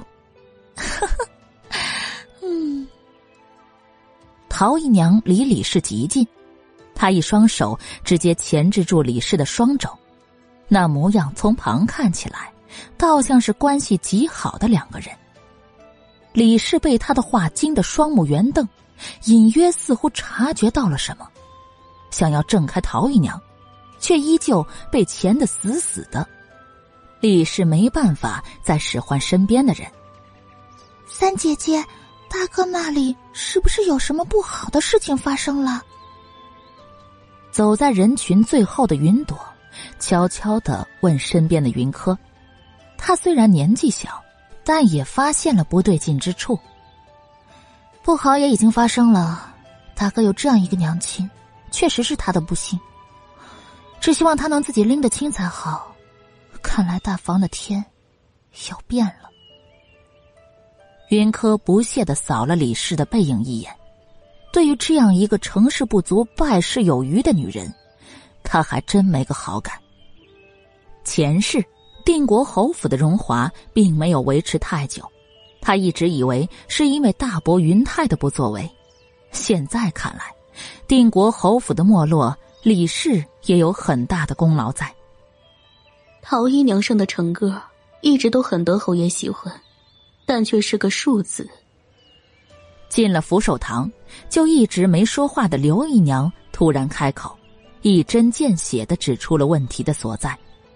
云朵瞬间秒懂，云柯也是眸光深深。一群人就这样全部挤进了山水院。云柯远远的就听到了呜咽声，以及先到的云泰的暴怒声。云柯身形灵活的往前钻，站在门边上。便看到了此时云州的正屋里混乱一片，云州正赤着上身跪在地上，而在他身边还有个衣裳凌乱的少女，低着头不停的哭泣着。孽子，还真是个孽子啊！云泰抄起屋子里的椅子就要往云州身上砸，李氏连忙上前护住云州，嘴里大叫着。侯爷息怒，这周哥一定是无辜的，一定是这个贱蹄子勾引周哥在先。监制：君言讲故事，第一百九十八集。李氏的话音刚落，云州便闭上了眼，那模样有些身心俱疲。云柯心下一动。前世云州便是在端阳前后突然生了一场大病，然后整个人便有些疯疯傻傻的。以前身子不好时，经常将自己关在屋子里作画，但大病之后，他便经常一个人躲在屋子里点火烧画，最后屋子着火，他也就殒命于此。再结合眼前所看到的，云柯似乎找到了事情的根源所在。眼前的一幕很明显是有人设计，故意让云州在家宴这天没到。依老夫人对云州的看重，肯定会派人亲自来请。这样一来，自然就撞破了云州整个人厮混。如果只是老夫人单独前来，那肯定会暗自压下。唉，但止不住云州有个猪一样的娘啊！这样浩浩荡荡的一大群人，当众见证云州与人白日宣淫，云州身上的污水便怎么都洗不掉了。眼见着李氏还想再嚎，云柯是再也忍不住了，对着李氏冷声道：“大伯母，事情真相尚未调查清楚，大伯母怎么就率先给自己儿子定了罪呢？你又如何清楚大哥跟这丫头发生了什么呢？”这一切发生的也太过巧合了些吧？云柯的话让李氏有些发懵。这屋子里这么乱，原本已经死心的云州却是突然睁开眼睛，看向不远处娇小的身影。只见他此时正怒目瞪着，那激动的模样倒与平日里的清冷相悖。云州心下一动。目光一一扫过亲娘和亲妹妹以及亲爹，他们所有人都是一副痛心疾首的模样望着他，自嘲一笑。他们所有人都已经在心里替他定了罪吧？在所有的人都不相信他是清白的时候，三妹妹却是唯一一个替他发声的，给云柯回了一个温润的笑，示意他别插手这件事情。他并不是无力以对，只不过是对这一家子人死心了而已。这些年来，身边太多的人和事花费了他太大的精力，让人感受不到人生的美好。若就此解脱，倒也不失为一桩幸事。云舟叹息一声，低下头，只字都不为自己辩解。三小姐。妾身知道你跟大少爷兄妹情深，为他说坏是应该的。可妾身，妾身是侯爷的人了呀。大少爷他对妾身如此无礼，可是将侯爷置于何地？侯爷，你可要替妾身做主啊！那原本低着头不语的少女，跪行至云泰身前，伸手牵住他的衣襟，楚楚可怜的喊着。似无意间，故意松开了些围着身子的破碎衣服，露出一对极好的双峰来。云泰眼神一暗，没忘记他就是因为此女有一对长得极好看的双峰，所以才从儿子身边要了此女。之前就听他说过，说儿子原本也是想留着她做通房的，只因为身子不好，一直没实行罢了。如今此女已经成了他的人，却又让他发现儿子动了他，这样的事实让云泰没办法冷静下来。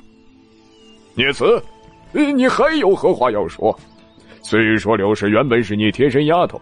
但她既已成为我的姨娘，你哪里来的豹子胆还敢动她？你的眼里可有你的老子？云太也顾不上还有云玉一大家子和大堆的下人在，直接就吼了出来。云州依旧闭着眼睛不说话，老夫人却是再也听不下去了。原本做老子的跟儿子要贴身丫头，这就不是什么光彩的事情。在柳氏被抬为姨娘时，他老人家就将此事给压了下来。现在云泰这样当众吼叫，也算是将这桩丑事张扬了出来。第一百九十九集，够了！你还想吼给谁听啊？老夫人制止了云泰的大嗓门，扶着张嬷嬷的手往前了两步，走到云州的面前，问道。周哥，你告诉祖母，这到底是怎么回事？我没碰他，这一切不过是有人设计而已。云州对祖母还是有几分感情在的，他晦涩的张嘴解释，但他的解释并没有得到所有人的理解。周哥，你向来是个懂事儿的，如果你当初舍不得刘妹妹，直接跟侯爷说明情况不就是了？侯爷岂会为了一个女人不顾你们的父子情谊呢？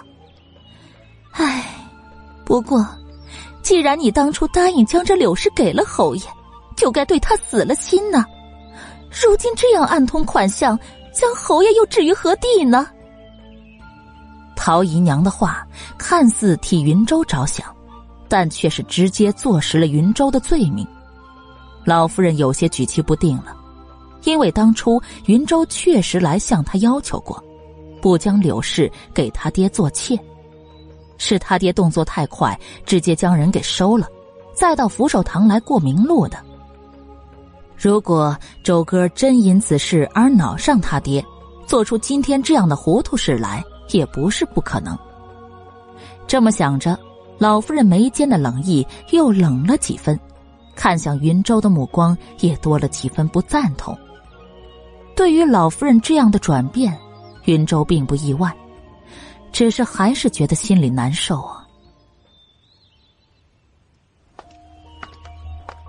好，正如陶姨娘所说啊，大哥是个懂事儿的，又怎么可能会因为一个下贱的丫头而闹得阖家不宁呢？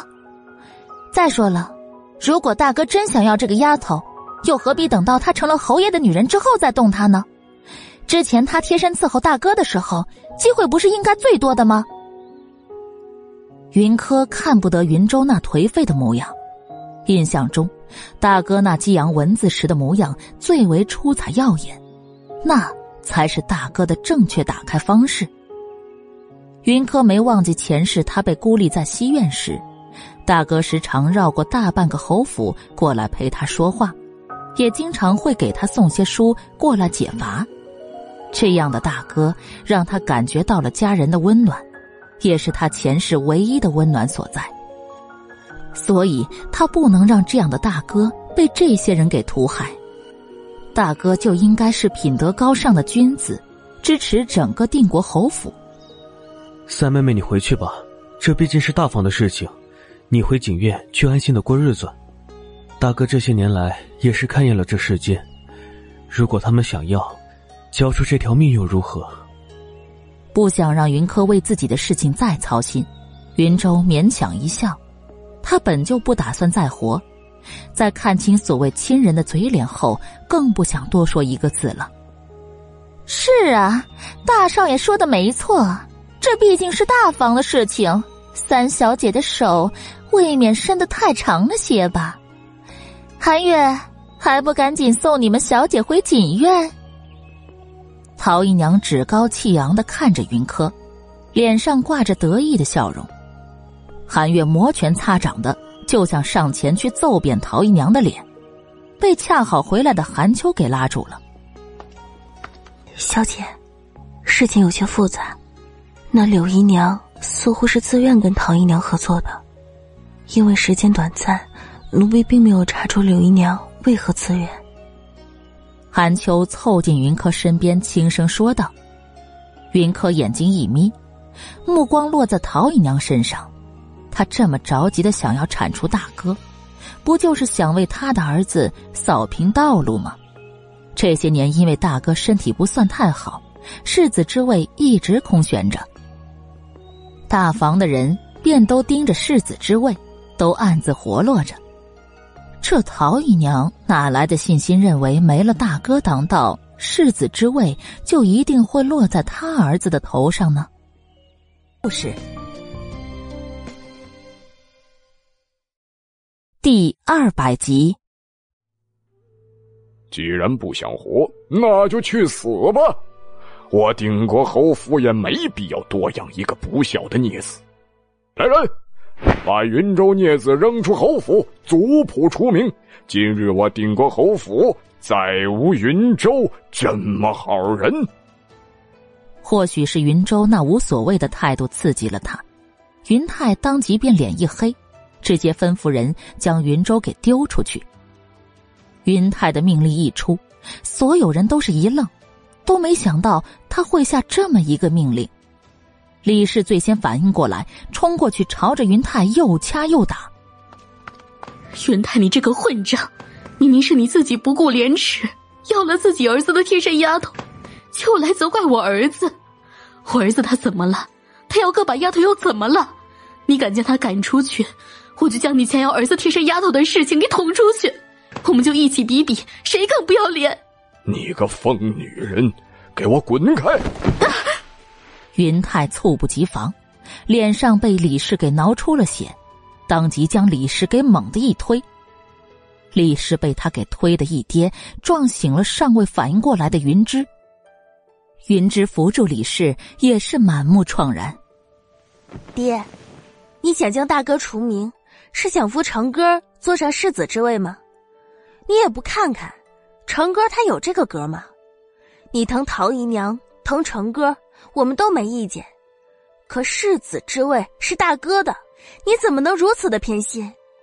大哥不过是要了个丫头，你若想要，女儿可以给你找更多的好看丫头，你又何必跟大哥过不去呢？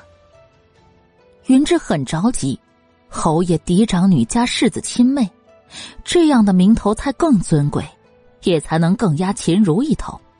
如果真让云城做了世子，那娘亲的正室之位也有可能不保，那到时候他极有可能会成为过气嫡女，这样的结果不是他想要的。不愧是亲生母女，这个孽子他是只要个丫头的事吗？他连老子的女人他都敢抢，以后还有什么事是他不敢做的？今儿个只要老子个把丫头。那明天，是不是就敢弑父了？云泰态度很坚决，换来人就要将云芝给丢出去。原本布置的极雅的山水院，此时热闹的犹如菜市场。在所有人都没注意到的某处墙头，两个人正碎碎讨论着：“老大，现在是要怎么办？我们真的要让云大少爷？”被丢出定国侯府除名吗？谁管他云州的死活？他被除名不是更好吗？走投无路之下，自然就会想起我们王爷的好。我担心的是，这定国侯府的闹剧什么时候才能结束？这里的闹剧不结束，又怎么说服云三小姐去观看龙舟赛？三小姐不去看龙舟赛，又怎么会领到我们王爷的绝世风姿？不领会到我们王爷的绝世风姿，又如何对我们王爷倾心？不对我们倾心以待，又如何做我们的女主人？天童老大，你不觉得你说的很绕口吗？有吗？难道你没听懂？墙头上，天童眉头高耸，一脸不悦的反问身边的人：“他说的很明白了呀，他就是被王爷派来接云三小姐去看龙舟赛的呀。当然，还有就是不久前他恰好听到一耳朵的八卦，而这八卦就正好跟下面那场闹剧有关。他到底是将听到的八卦透露给云三小姐，还是透露给云三小姐呢？”希望云三小姐能雷厉风行的处理好这里的事情，然后顺利的被将军府的马车接去观看龙舟赛，他也可以圆满的完成任务。是第二百零一集。所以，当云柯再次派韩秋打听柳姨娘的日常时，便得到了极为有利的一个消息。那就是柳姨娘原本在府里是有个相好的，也约好了等赎了身就嫁于那相好的，只是没想到得了云泰的眼，做了姨娘。本来柳氏做了姨娘也就甘心了下来，但那个相好的却不愿意罢休，多次纠缠柳氏，更是一不小心就被陶姨娘给知道了这真相的存在。事情到这里便明朗了。陶姨娘以柳姨娘相好的威胁，要柳姨娘做一场戏，让云泰认为云州胆大的跟他抢女人。陶姨娘再在旁边挑唆云州对她的不敬。这样一来，云州被扔出定国侯府，这世子之位便落到了陶姨娘所出之子云城的头上了。云柯听到韩秋打听来的消息，却是直觉的皱眉。你这消息从何而来？是风月院里两个小厮聊天时不小心说漏了嘴，小姐可是觉得不妥。韩秋也觉得事情太过凑巧了些，他不放心的又调查了一次，发现事情并不假，这才赶紧来向小姐禀报。云柯摇摇头，总觉得事情发展的太过顺利了些，但韩秋表示柳姨娘那相好的。他也已经带来了，云柯倒也没有再多言，直接用这么现成的良好的证据替云州洗刷了罪名。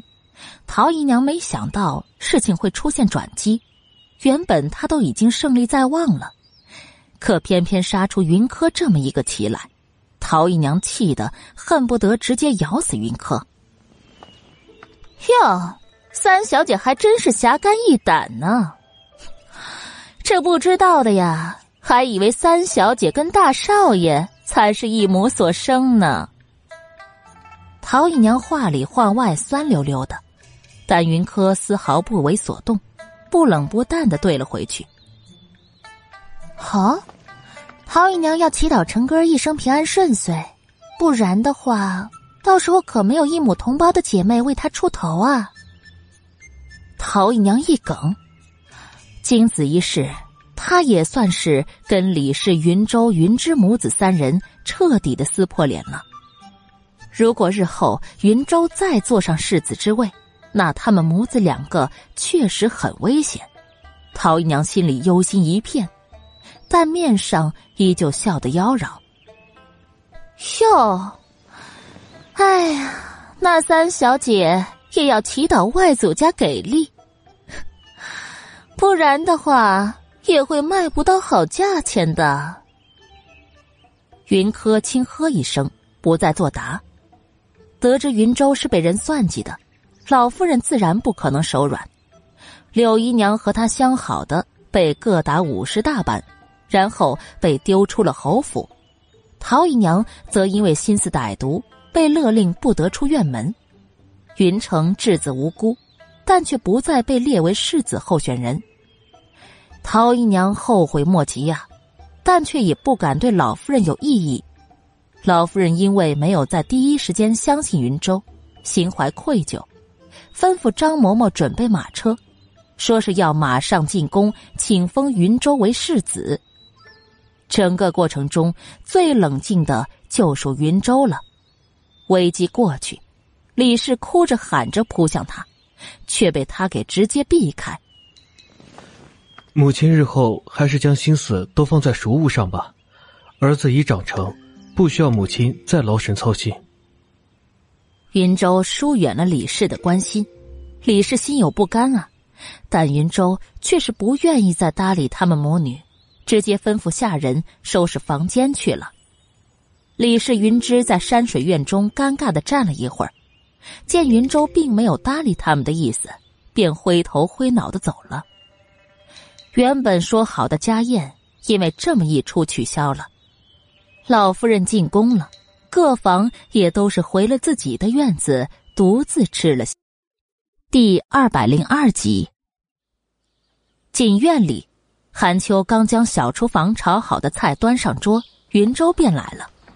云柯见他来，吩咐韩秋赶紧再加双筷子。云州倒也没有拒绝，直接在桌边坐下来。今日的事情，谢谢三妹妹了。云州举杯向云柯道谢。但云柯从他身上并没有感受到喜气，从始至终，云州都一直是淡淡的，似乎并不关心事态的发展，倒像是一心求解脱。这样的云州让云柯不解道：“今日的事情，大哥完全可以脱身的，为何要如此消沉呢？”不过是钻了死胡同罢了。云州不愿多说。只因他觉得眼前的三妹妹还是个孩子，身世比起自己更是让人怜惜。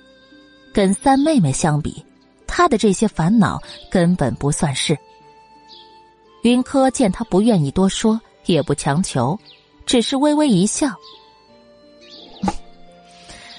我也曾埋怨过啊，娘子爹不疼的。可是后来我发现，不管我怎么埋怨，我的日子都不会有实质性的改变。”所以现在我看开了，我命由我不由天，自己想要的幸福总是要自己亲自去争取的。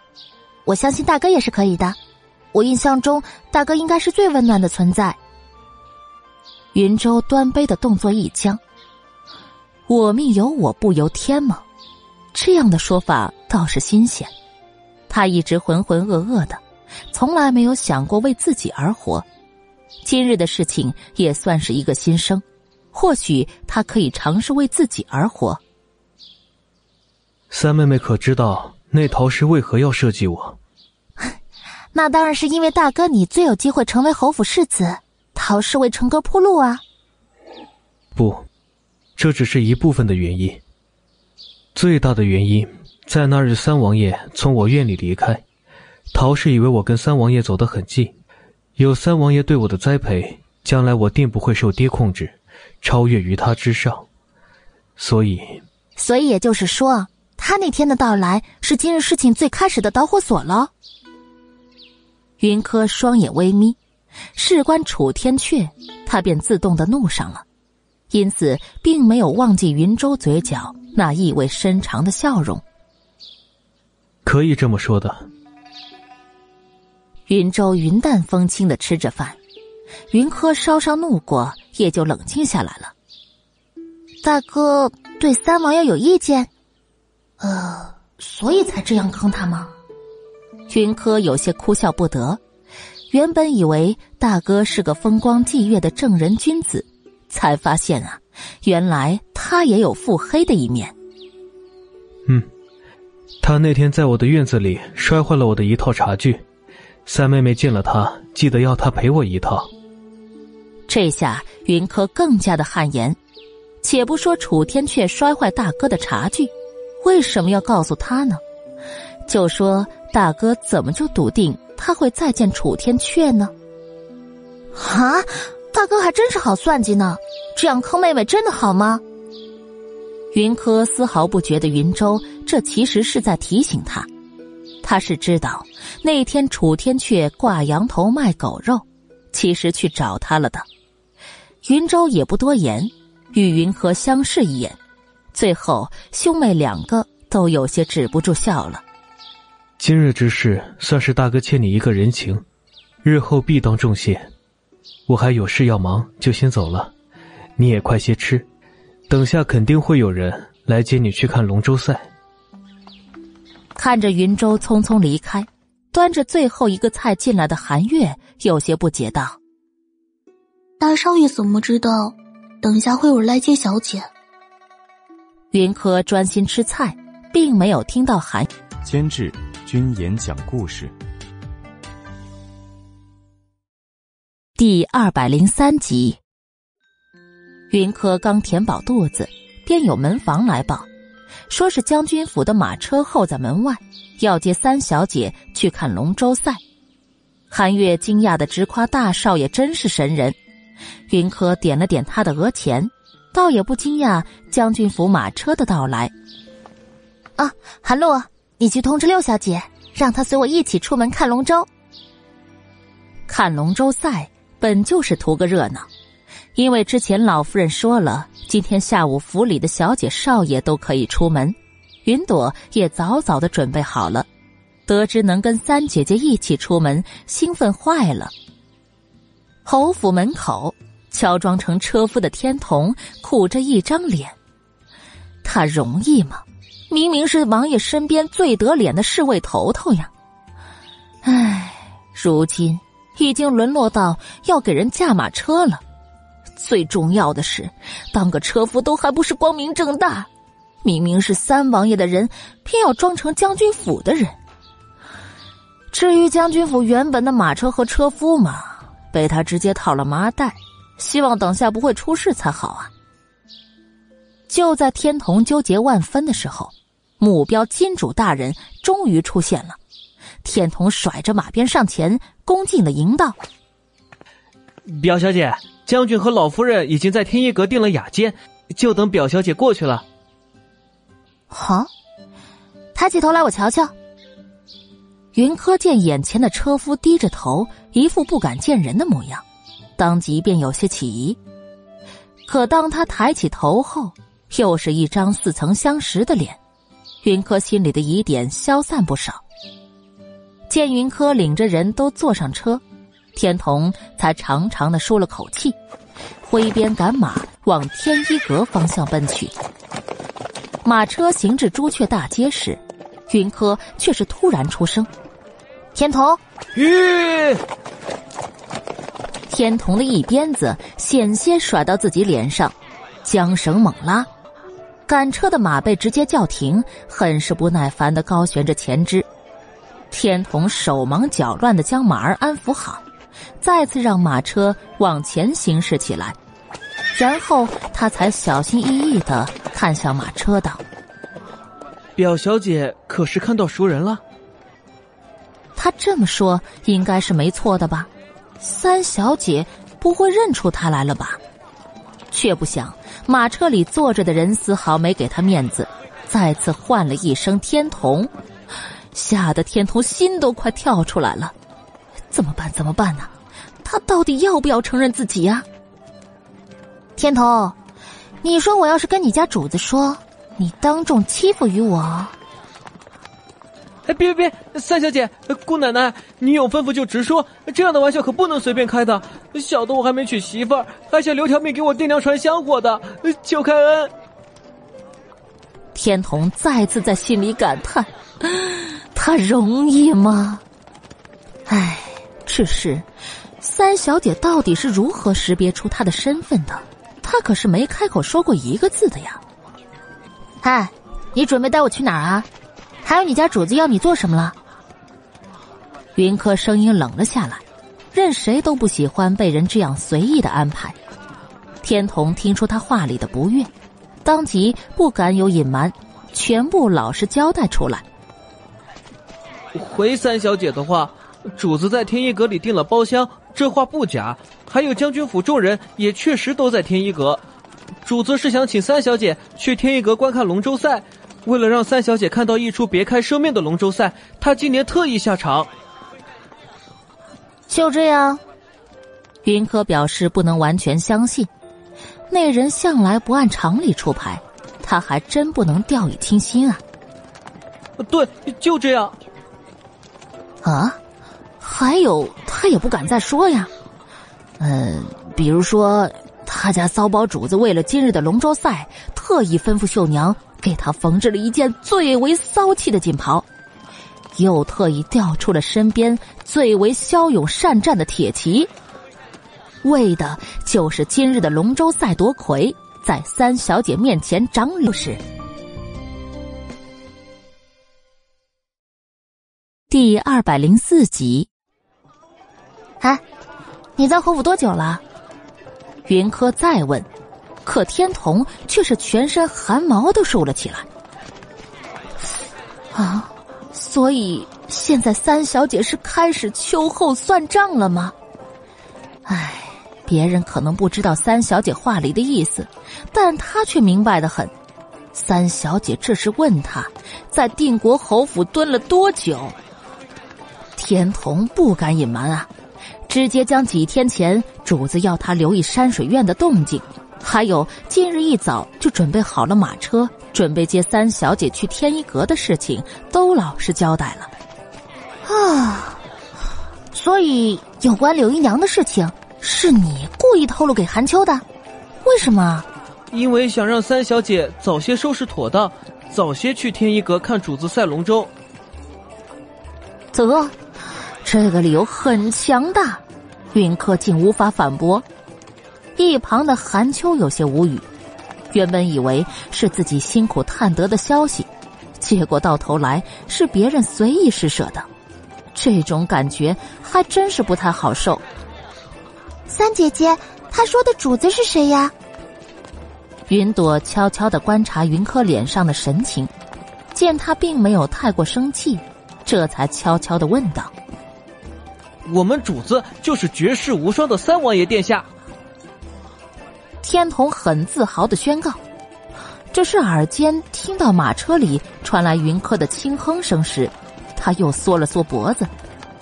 三小姐似乎生气了，希望今天主子能好好表现，让三小姐消消气呀。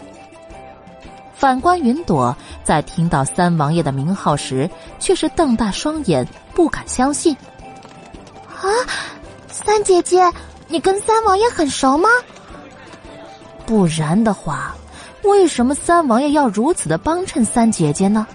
而且还特意派了人来邀请三姐姐去看龙舟赛。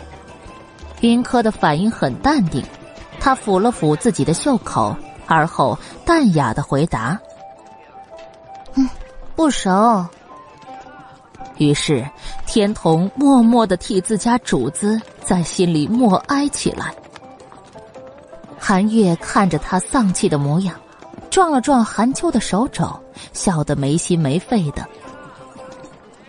马车很快在天一阁前停下，云柯被韩秋扶下车，然后站在码头前，状似无意的问向天童：“将军府的车夫可安好？”语气极为随意自然，但天童就是听出了其中的惊险。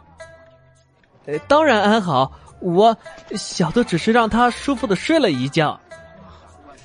然后便见云柯满意的点头，准备离开。天童抹了一把额头上的冷汗，庆幸自己刚刚下手并没有太重，那车夫想来睡上一两个时辰便会醒来的吧。三姐姐，那天童似乎极怕你呢。云朵笑嘻嘻的跟上云柯打趣道：“云柯不置可否，心里明白天童怕的不是他，只是这些他并不打算跟云朵明说。哎，今日呢，天一阁里肯定人多，你可要跟紧我了，别跟不相识的人瞎跑。这个我当然知道的，三姐姐放心吧，我不会让你为我担心的。”云柯点点头，云朵虽然欢脱调皮，但却并非瞎闹之人，但他还是吩咐韩秋多多注意云朵，别让人欺负了去。天一阁门口，荣琪焦急的走来走去，时不时的抬头往外看，见到云柯出现，当即便兴奋的要冲上来，但却被半路出现的荣成给揪住了衣领。哎。大哥，你干嘛？科儿来了，我得去迎接他呀。好多天没见亲亲表妹了，荣琪表示他想妹妹了，不成吗？荣成听他如此哀怨，倒也不恼，而是直接加了两分力道，将荣琪给往后拉了几分。如此众目睽睽之下，你是准备将科儿抱起来转圈圈，还是准备牵他？第二百零五集，荣琪身子一抖，大哥这话明明是极为正常的，可他就是感觉到了浓浓的警告之意。稍稍换位思考一下，如果他真照大哥说的这么做了，那科二妹妹的名声还真就直接给毁了。见荣琪想明白了其中原理，荣成便也不再拉着他，兄弟二人一起走到云柯的面前。科尔可算是来了，祖父祖母都有些等不及了。我们兄弟这已经是寿命第三次下来等候了。兄弟两个一左一右走到云柯的身边，用自己所特有的方式表达着对云柯的欢迎。谢谢陈哥哥、齐哥哥。云柯眼里笑容深刻，话里也抹了蜜一般。荣成兄弟显然是很受用，特别是荣琪故意又凑近云柯几分，哀怨的说道：“柯儿。”哥哥，我已经严重失宠了，祖母的眼里根本就没有我们两个糙汉子了，一心只念叨着你。云柯一时没忍住笑出声来，似乎怎么也不愿意相信，眼前的人就是京城中盛传的纨绔子荣琪。啊，那我等会儿跟外祖母说。要他老人家好好的宠爱你可好？特别是二舅母，她最近肯定是太忙了，连亲儿子都没时间宠爱了，可不好。哎，别呀，科儿，求放过，被我娘宠爱，那可真不是好事啊！七哥哥错了，你就饶过七哥哥可好？真的错了啊！谁人知道他的苦啊？他娘亲的宠爱不是拳脚相加，就是夺命连环念。偏偏他还不能反驳，不然的话，他家那简单粗暴的爹就会加入娘的阵营，他应接不暇啊。荣琪那耍宝的模样，逗得云柯只笑不住，就连云柯身边的寒秋姐妹都憋不住笑。啊，有娘亲宠爱还不好吗？云朵实诚，有些不明白荣琪的话。不解的问出声来，也成功的让荣琪的目光落在他的身上。见小姑娘并不是丫头装扮，但之前又确实没有见过，于是朝云柯挤眉弄眼的问：“这是谁？”云柯倒也没阻拦：“啊，这是三房刘姨娘所出的朵姐儿，行六，今日跟我一起出来看看热闹。”荣琪点点头，表示知道了。然后又继续耍宝逗云柯，三人本就是出众之相，又因为荣琪的嗓门声不小，这会儿已经吸引了不少的目光。荣成轻咳一声提醒荣琪，然后兄弟二人便护着云柯朝天一阁楼上的雅间走去。到了雅间里，见了荣章夫妇带领的一大家子，自然是免不了一番寒暄。这次云柯主动介绍云朵，对于云柯带来的人，荣章等人自然是没话说的。云朵也是个会来事儿的，一张小嘴惹得荣老夫人和荣陈氏异常欢喜，给了他不薄的见面礼。云朵第一反应便是看云柯的反应，见云柯点头示意，他才收下那些厚礼。见他如此明事理。荣老夫人又多了几分喜爱，直言要他日后多跟云柯去将军府走走。云朵羞涩的应下，但却不显谄媚之气。云柯刚接过韩秋递过来的茶，便见雅间的门被人推开，两个伙计一前一后的走了进来。再看后面那人，手里托着一盖着红绸的托盘。说是龙舟赛马上就要开始，例行规定，龙舟赛开始前都要进行猜牌面。所谓的牌面，其实就是猜输赢。托盘里放着今日参赛队伍的名字，觉得哪队可赢，便下注压稳赢。监制君言讲故事，第二百零六集。荣章见云柯似乎对这所谓的规矩并不太熟悉，有意为他介绍今日参赛的队伍，便招了伙计过去要第一个猜。伙计将红绸布揭开，前面两块金光闪闪的令牌特别的闪眼，后面的则都是木质令牌。唉，没想到今年三王爷和六王爷都会下场。老夫人感叹道：“云柯额角青筋一跳，稍稍抬头，果然就看到那托盘上第一个令牌上就有一个大大的三。目光再落到两个伙计身上，莫名的觉得那空手背在身后之人特别的眼熟。云柯便按兵不动。是啊。”二位王爷都亲自下场，但那宁国侯府可是去年的魁首，我老了，人也守旧啊，就还是压去年的魁首吧。说着，荣章便从袖口取出一块碎银子来，放在托盘里宁国侯府木牌的面前。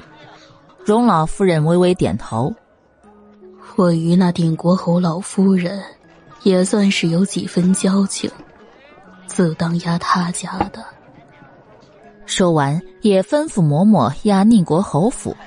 到了荣与荣晋兄弟两家了，都是紧跟父母亲的脚步，直接压的宁国侯府。云柯眸光流动，龙舟赛向来拼的便是体力，将军府军功卓越，按理来说，这样的活动肯定会有将军府一份的。但祖父却是直接称病躲过了这次的龙舟赛，原因很简单，便是不想功高震主。在三王爷、六王爷同时在场的情况下，将军府投哪一方都有参加党派之争的嫌疑，所以将军府便举家投宁国侯府，一个绝对保皇派。这样的决定无疑是最适合现在的将军府。云柯看得明白。也决定照做，只是托盘到他面前时，却是突然换了个人。那十分眼熟的伙计接过托盘，走到云柯的面前，很是语重心长的说道：“三小姐可是慎重的压住啊。”云柯抬头看进那伙计眼里，见他目光交在印有三的那块金令牌上，便明白了几分。轻哼一声，云柯从韩秋手里接过银裸子，直接堆在宁国侯府木牌前的那一堆上，然后他便看到了那伙计哭丧着脸，看似忐忑的对他说道：“三小姐，你真的不用再考虑一下吗？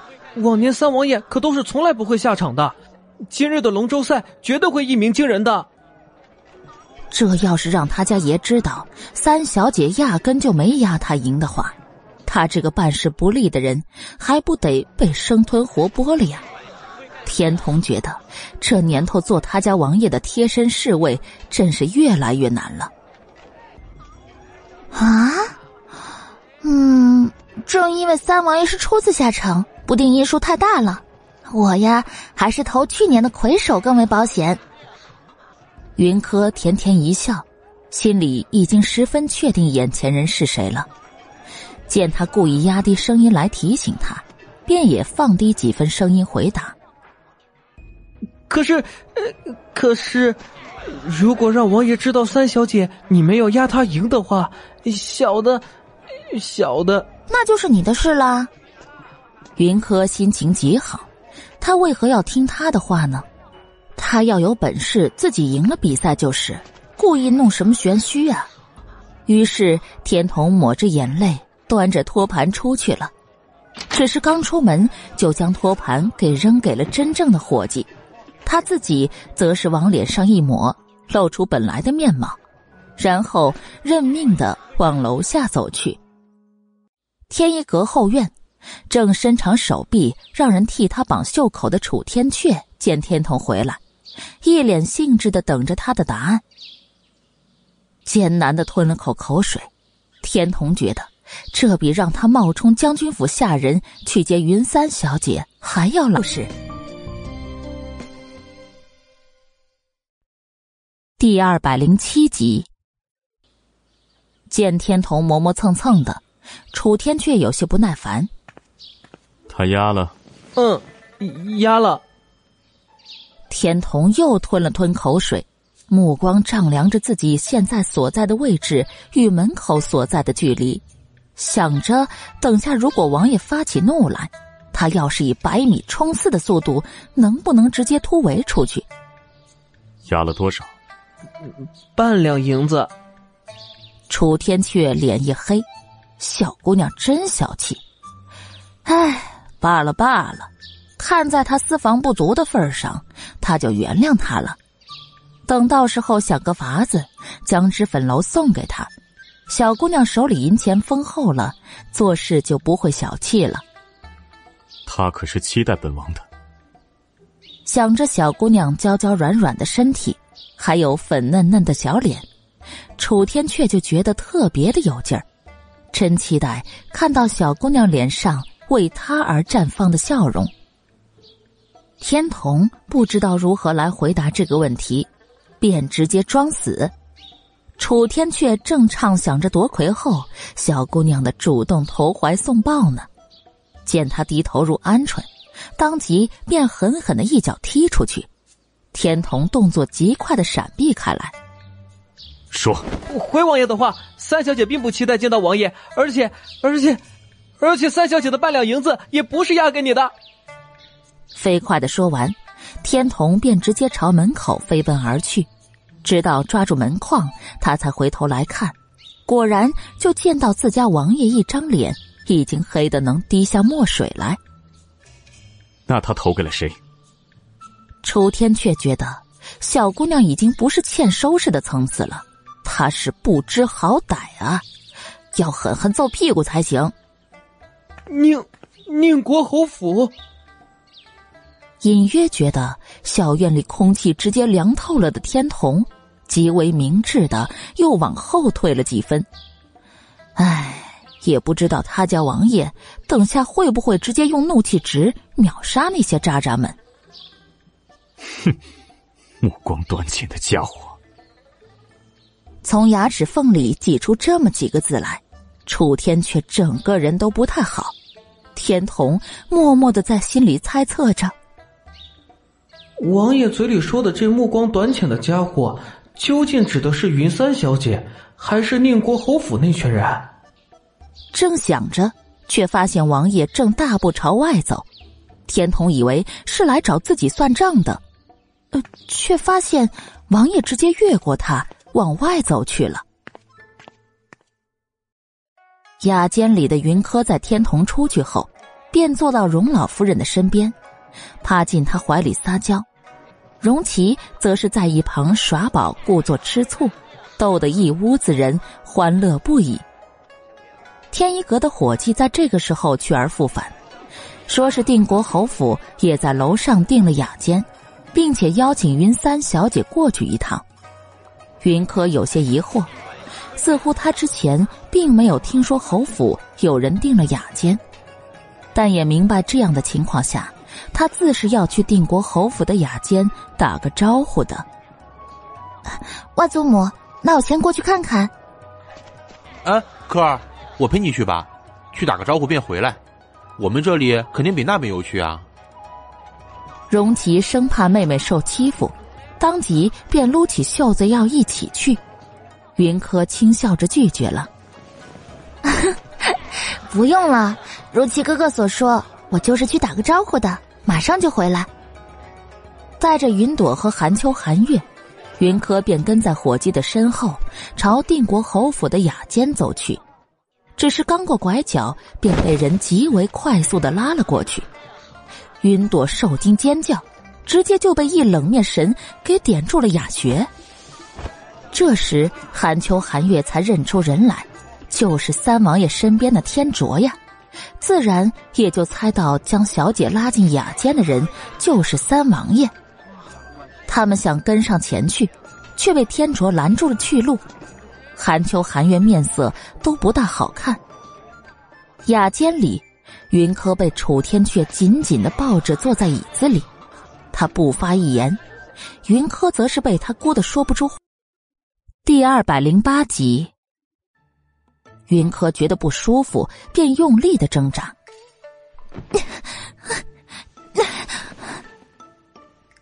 这番动作算是提醒了楚天阙，他稍松了两分力道，让云柯也算是多了两分空间。天童说：“你压了宁国侯府那帮人多亏。”楚天阙低沉的控诉里带着浓浓的不满，将云柯挥出来的巴掌给直接扣下，双臂直接穿过云柯的腰间，将他整个人贴向自己的怀里，两人的身体严丝合缝，不留任何空隙。宁国侯府那帮人本就是去年的魁首，这有何奇怪的？云柯没办法挣扎，又没办法制止住他，这让他非常的恼火。去年是因为本王没参加，可是今年本王参加了，你就该压本王是最后赢家。那里有托盘，你再压一次，必须。在云柯右手边的小机上，果然就有一个托盘，托盘上依旧摆着两块金令牌和几块木牌。云柯嘴角很抽，这个男人他可不可以再幼稚一点啊？他压谁，谁就一定会赢吗？他要有那么大的本事，不用他压住，他也会赢的吧？云柯将头一转，表示不能接受。可楚天阙就干脆幼稚到底，从自己身上掏出一锭金子来，借由云柯的手直接放在三字金令牌前。见云柯直翻白眼，他丝毫不在意。哼，本王的娇娇如此的明事理，那本王奖励你一个大消息，好不好？云柯表示不想听，也不想再跟幼稚鬼说话，可偏偏他将下巴搁在他的肩头，温热的气息直接喷洒在他的耳根，让他全身都有些站立不安。这次龙舟赛。老六可是托了好些老臣说情，父皇才让他出来参加的。他是打着夺魁首的机会来哄父皇开心。如果真让他取悦了父皇，那本王的娇娇肯定就会生气的，对不对？为了不让娇娇生气，本王要亲自下场，彻底赢了他，让他在父皇面前更丢脸。娇娇觉得，本王这个主意好不好？嗯。一边说着。楚天阙更是一边把玩着云柯的手指，小姑娘全身每一处都精致，哪怕是小小的手指也让她爱不释手，想放在手里一直把弄。云柯被他捏得心烦意乱的，瞪他一眼，将手指收回，然后没隔两秒，他又将他的手指捏在了手里。娇娇如果实在是舍不得得芳斋。那不如改成锦绣阁那样的成衣店吧，首饰和成衣相得益彰，相辅相成。本王手上有现成的人，只要娇娇同意，本王便让他们去德芳斋里帮忙，工钱本王来付，娇娇只要坐等收成就好。楚天阙说的毫无压力，这是他这些日子想出来的办法，不想要小姑娘累着，但又想时时刻刻见到小姑娘。有了这样的一层联系，小姑娘不会那么排斥见到他了吧？王爷，你的条件是什么呀？直说吧。云柯相信世上没有免费的午餐，他与楚天阙而言，除了笼络将军府之外，好像并没有其他别的什么作用。而在将军府那儿，如果楚天阙成为名正言顺的太子，将来坐上皇位，那将军府自然也尽力辅佐簇拥的。本王对娇娇好，只是发自内心，不牵涉任何权势利益。本王只想要娇娇。说的甚是直白。他只要他的人，可正因为是这样，云柯才更心慌啊！不管是要钱还是要权，都可以有应对的法子，但感情的事情却是怎么也勉强不了。监制君言讲故事，第二百零九集。见云柯不语，楚天却眉间染上了几分戾气和造诣。小姑娘老是不相信他的心意，怎么办呢？心下一着急，楚天却便索性扭转小姑娘的身子，想让他与自己面对面的坐好，却被云柯趁机寻了机会，狠狠用手肘撞了他的胸膛，然后溜出了他的怀抱。空空如也的感觉让楚天却感觉非常不爽，起身想将人给重新搂回来。迎面对上一把寒气逼人的匕首，何意？楚天阙声音低沉，全身冷气压更是一泻千里。可他冷，云柯比他更冷。男女授受不亲，还请三王爷自重。努力忽略自己对那个炙热胸膛的贪恋，云柯一再的提醒自己，对面的男人是个危险人物，不是他能招惹的。这么想着，云柯目光更是暗沉了几分，目光也是自带防备。注意到他这一系列的变化，楚天却烦躁的想骂娘：“本王抱你，只因本王想与你亲近，并非有意轻薄于你。”嗯，他向来不擅长解释，能说出这样直白的话来已是极致。可他的话并没有安慰到云柯。反而是让他更为气恼。王爷想要亲近于我，我就应该任君安排吗？他一再的避他躲他，可他倒好，越发的得寸进尺，亲他抱他不说，现在更是将他当趁手的宠物肆意玩弄。云柯觉得这根本不能忍，示意小脸阴沉沉的，目光冰冷的看着楚天阙，那模样像看着仇人。你这话是什么意思？在你心里，本王是那随意之人，什么样的女人都会要。楚天却觉得自己的肺都快被气炸了，他很清楚自己要的是什么，明确到自己对小姑娘动了心，小姑娘又是个招人疼的，他便手脚麻利的将小姑娘定下，以防别的男人觊觎，这有错吗？可小姑娘不但不理解他，还这样怀疑他的用心，楚天却心里烦躁，眉间的川字也越来越明显。王爷是什么样的人，我并不关心，也无意窥破，但王爷触碰到我的底线了，我就不能再容忍。云柯手持匕首，丝毫不退让，楚天却面色更冷，不再言语，直接往前走去。对于云柯手里正对着他的匕首视而不见，楚天阙，我无意与你为敌，甚至愿意助你一臂之力。可你不觉得你的做法让人不能接受吗？说到底，云柯还是不能接受楚天阙是真的爱他这么一回事。楚天阙的脚步不停，继续往前走。本王不会拿自己的感情做交易。至于本王想要的东西，本王会自己争取。至于你，本王势在必得。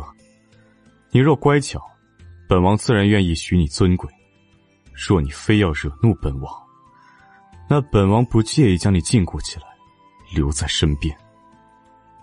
这就是他对感情的态度，也是他对小姑娘的心意。要他，就将她留在身边。可云柯听了，却是脸色一白，因为前世他被砍头前曾问过楚逸轩，为何明明不爱他，却又要许他以温柔？当时楚逸轩说，因为将他禁锢在身边很有成就感。同样的“禁锢”一词，让云柯心里发冷，他不想再被禁锢。楚逸轩的禁锢毁了他的前世。他不想楚天阙的禁锢又毁了他的这一辈子。冷，从骨子里散发出来的冷意，让云柯头脑却是一热。见楚天却仍在继续往前走，他将刀子直就是。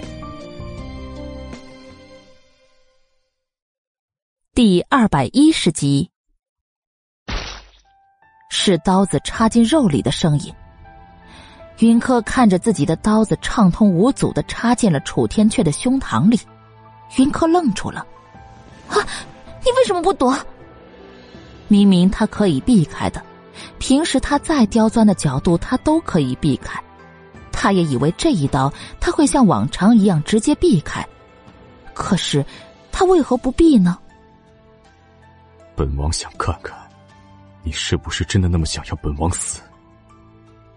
楚天却悠悠开口，目光锁住云柯，不再是那个将他搂进怀里闷声闷气说话的三王爷。此时的楚天阙比云柯初次见他时还要冷漠。云柯想抽回匕首，但手腕却被楚天阙捏住，带动着匕首又往他的身体里扎进几分。你，云柯大惊失色。猛然松开握匕首的手，然后朝屋外大声喊道：“韩秋，韩秋，快进来！”韩秋惊慌失措的进来，先是检查云柯有没有受伤。我没事，快替王爷止血。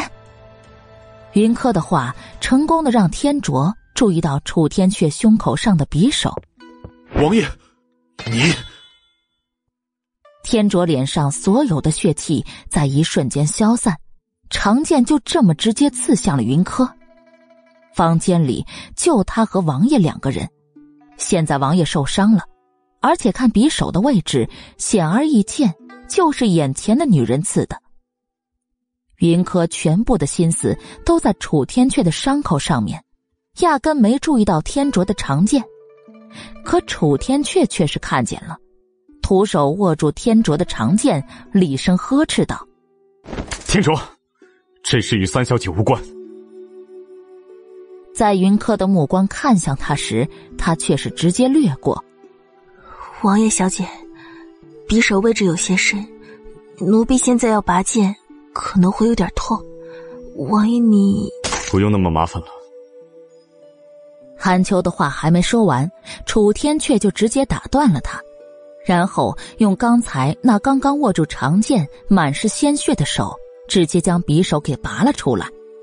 整个过程，他眉头都没皱一下，也没有再看云柯一眼，随意的将匕首扔在地上，任由韩秋替他止血。等韩秋停下所有的动作，他便开始赶人。云三小姐，回去吧，以后楚某，不会再来打扰了。我。云柯心里翻涌着说不出的难受，楚天却不理他。这本应该是他最开心的事情，但此刻真的实现了，他的心里为什么反而是那么的难受呢？云三小姐，天卓只听王爷的话，既然王爷说了此事与你无关，那天卓便不为难你。但若下次再有人想伤害我们王爷，天卓必以命相搏。天卓的话让韩秋、韩月有所不喜，姐妹二人当即便想上前去辩驳，却被云柯拦下了。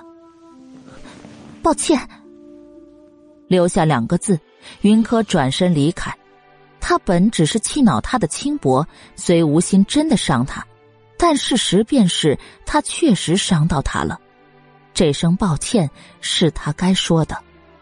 只是双眸满是生涩，隐隐有种想要落泪的感觉。看着云柯走出房间后，楚天却刚包扎好的右手又开始渗出血迹来。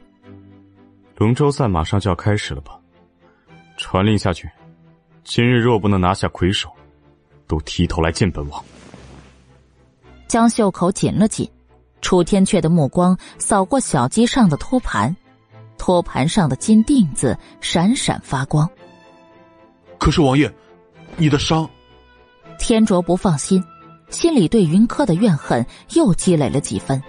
哼，这点伤还死不了。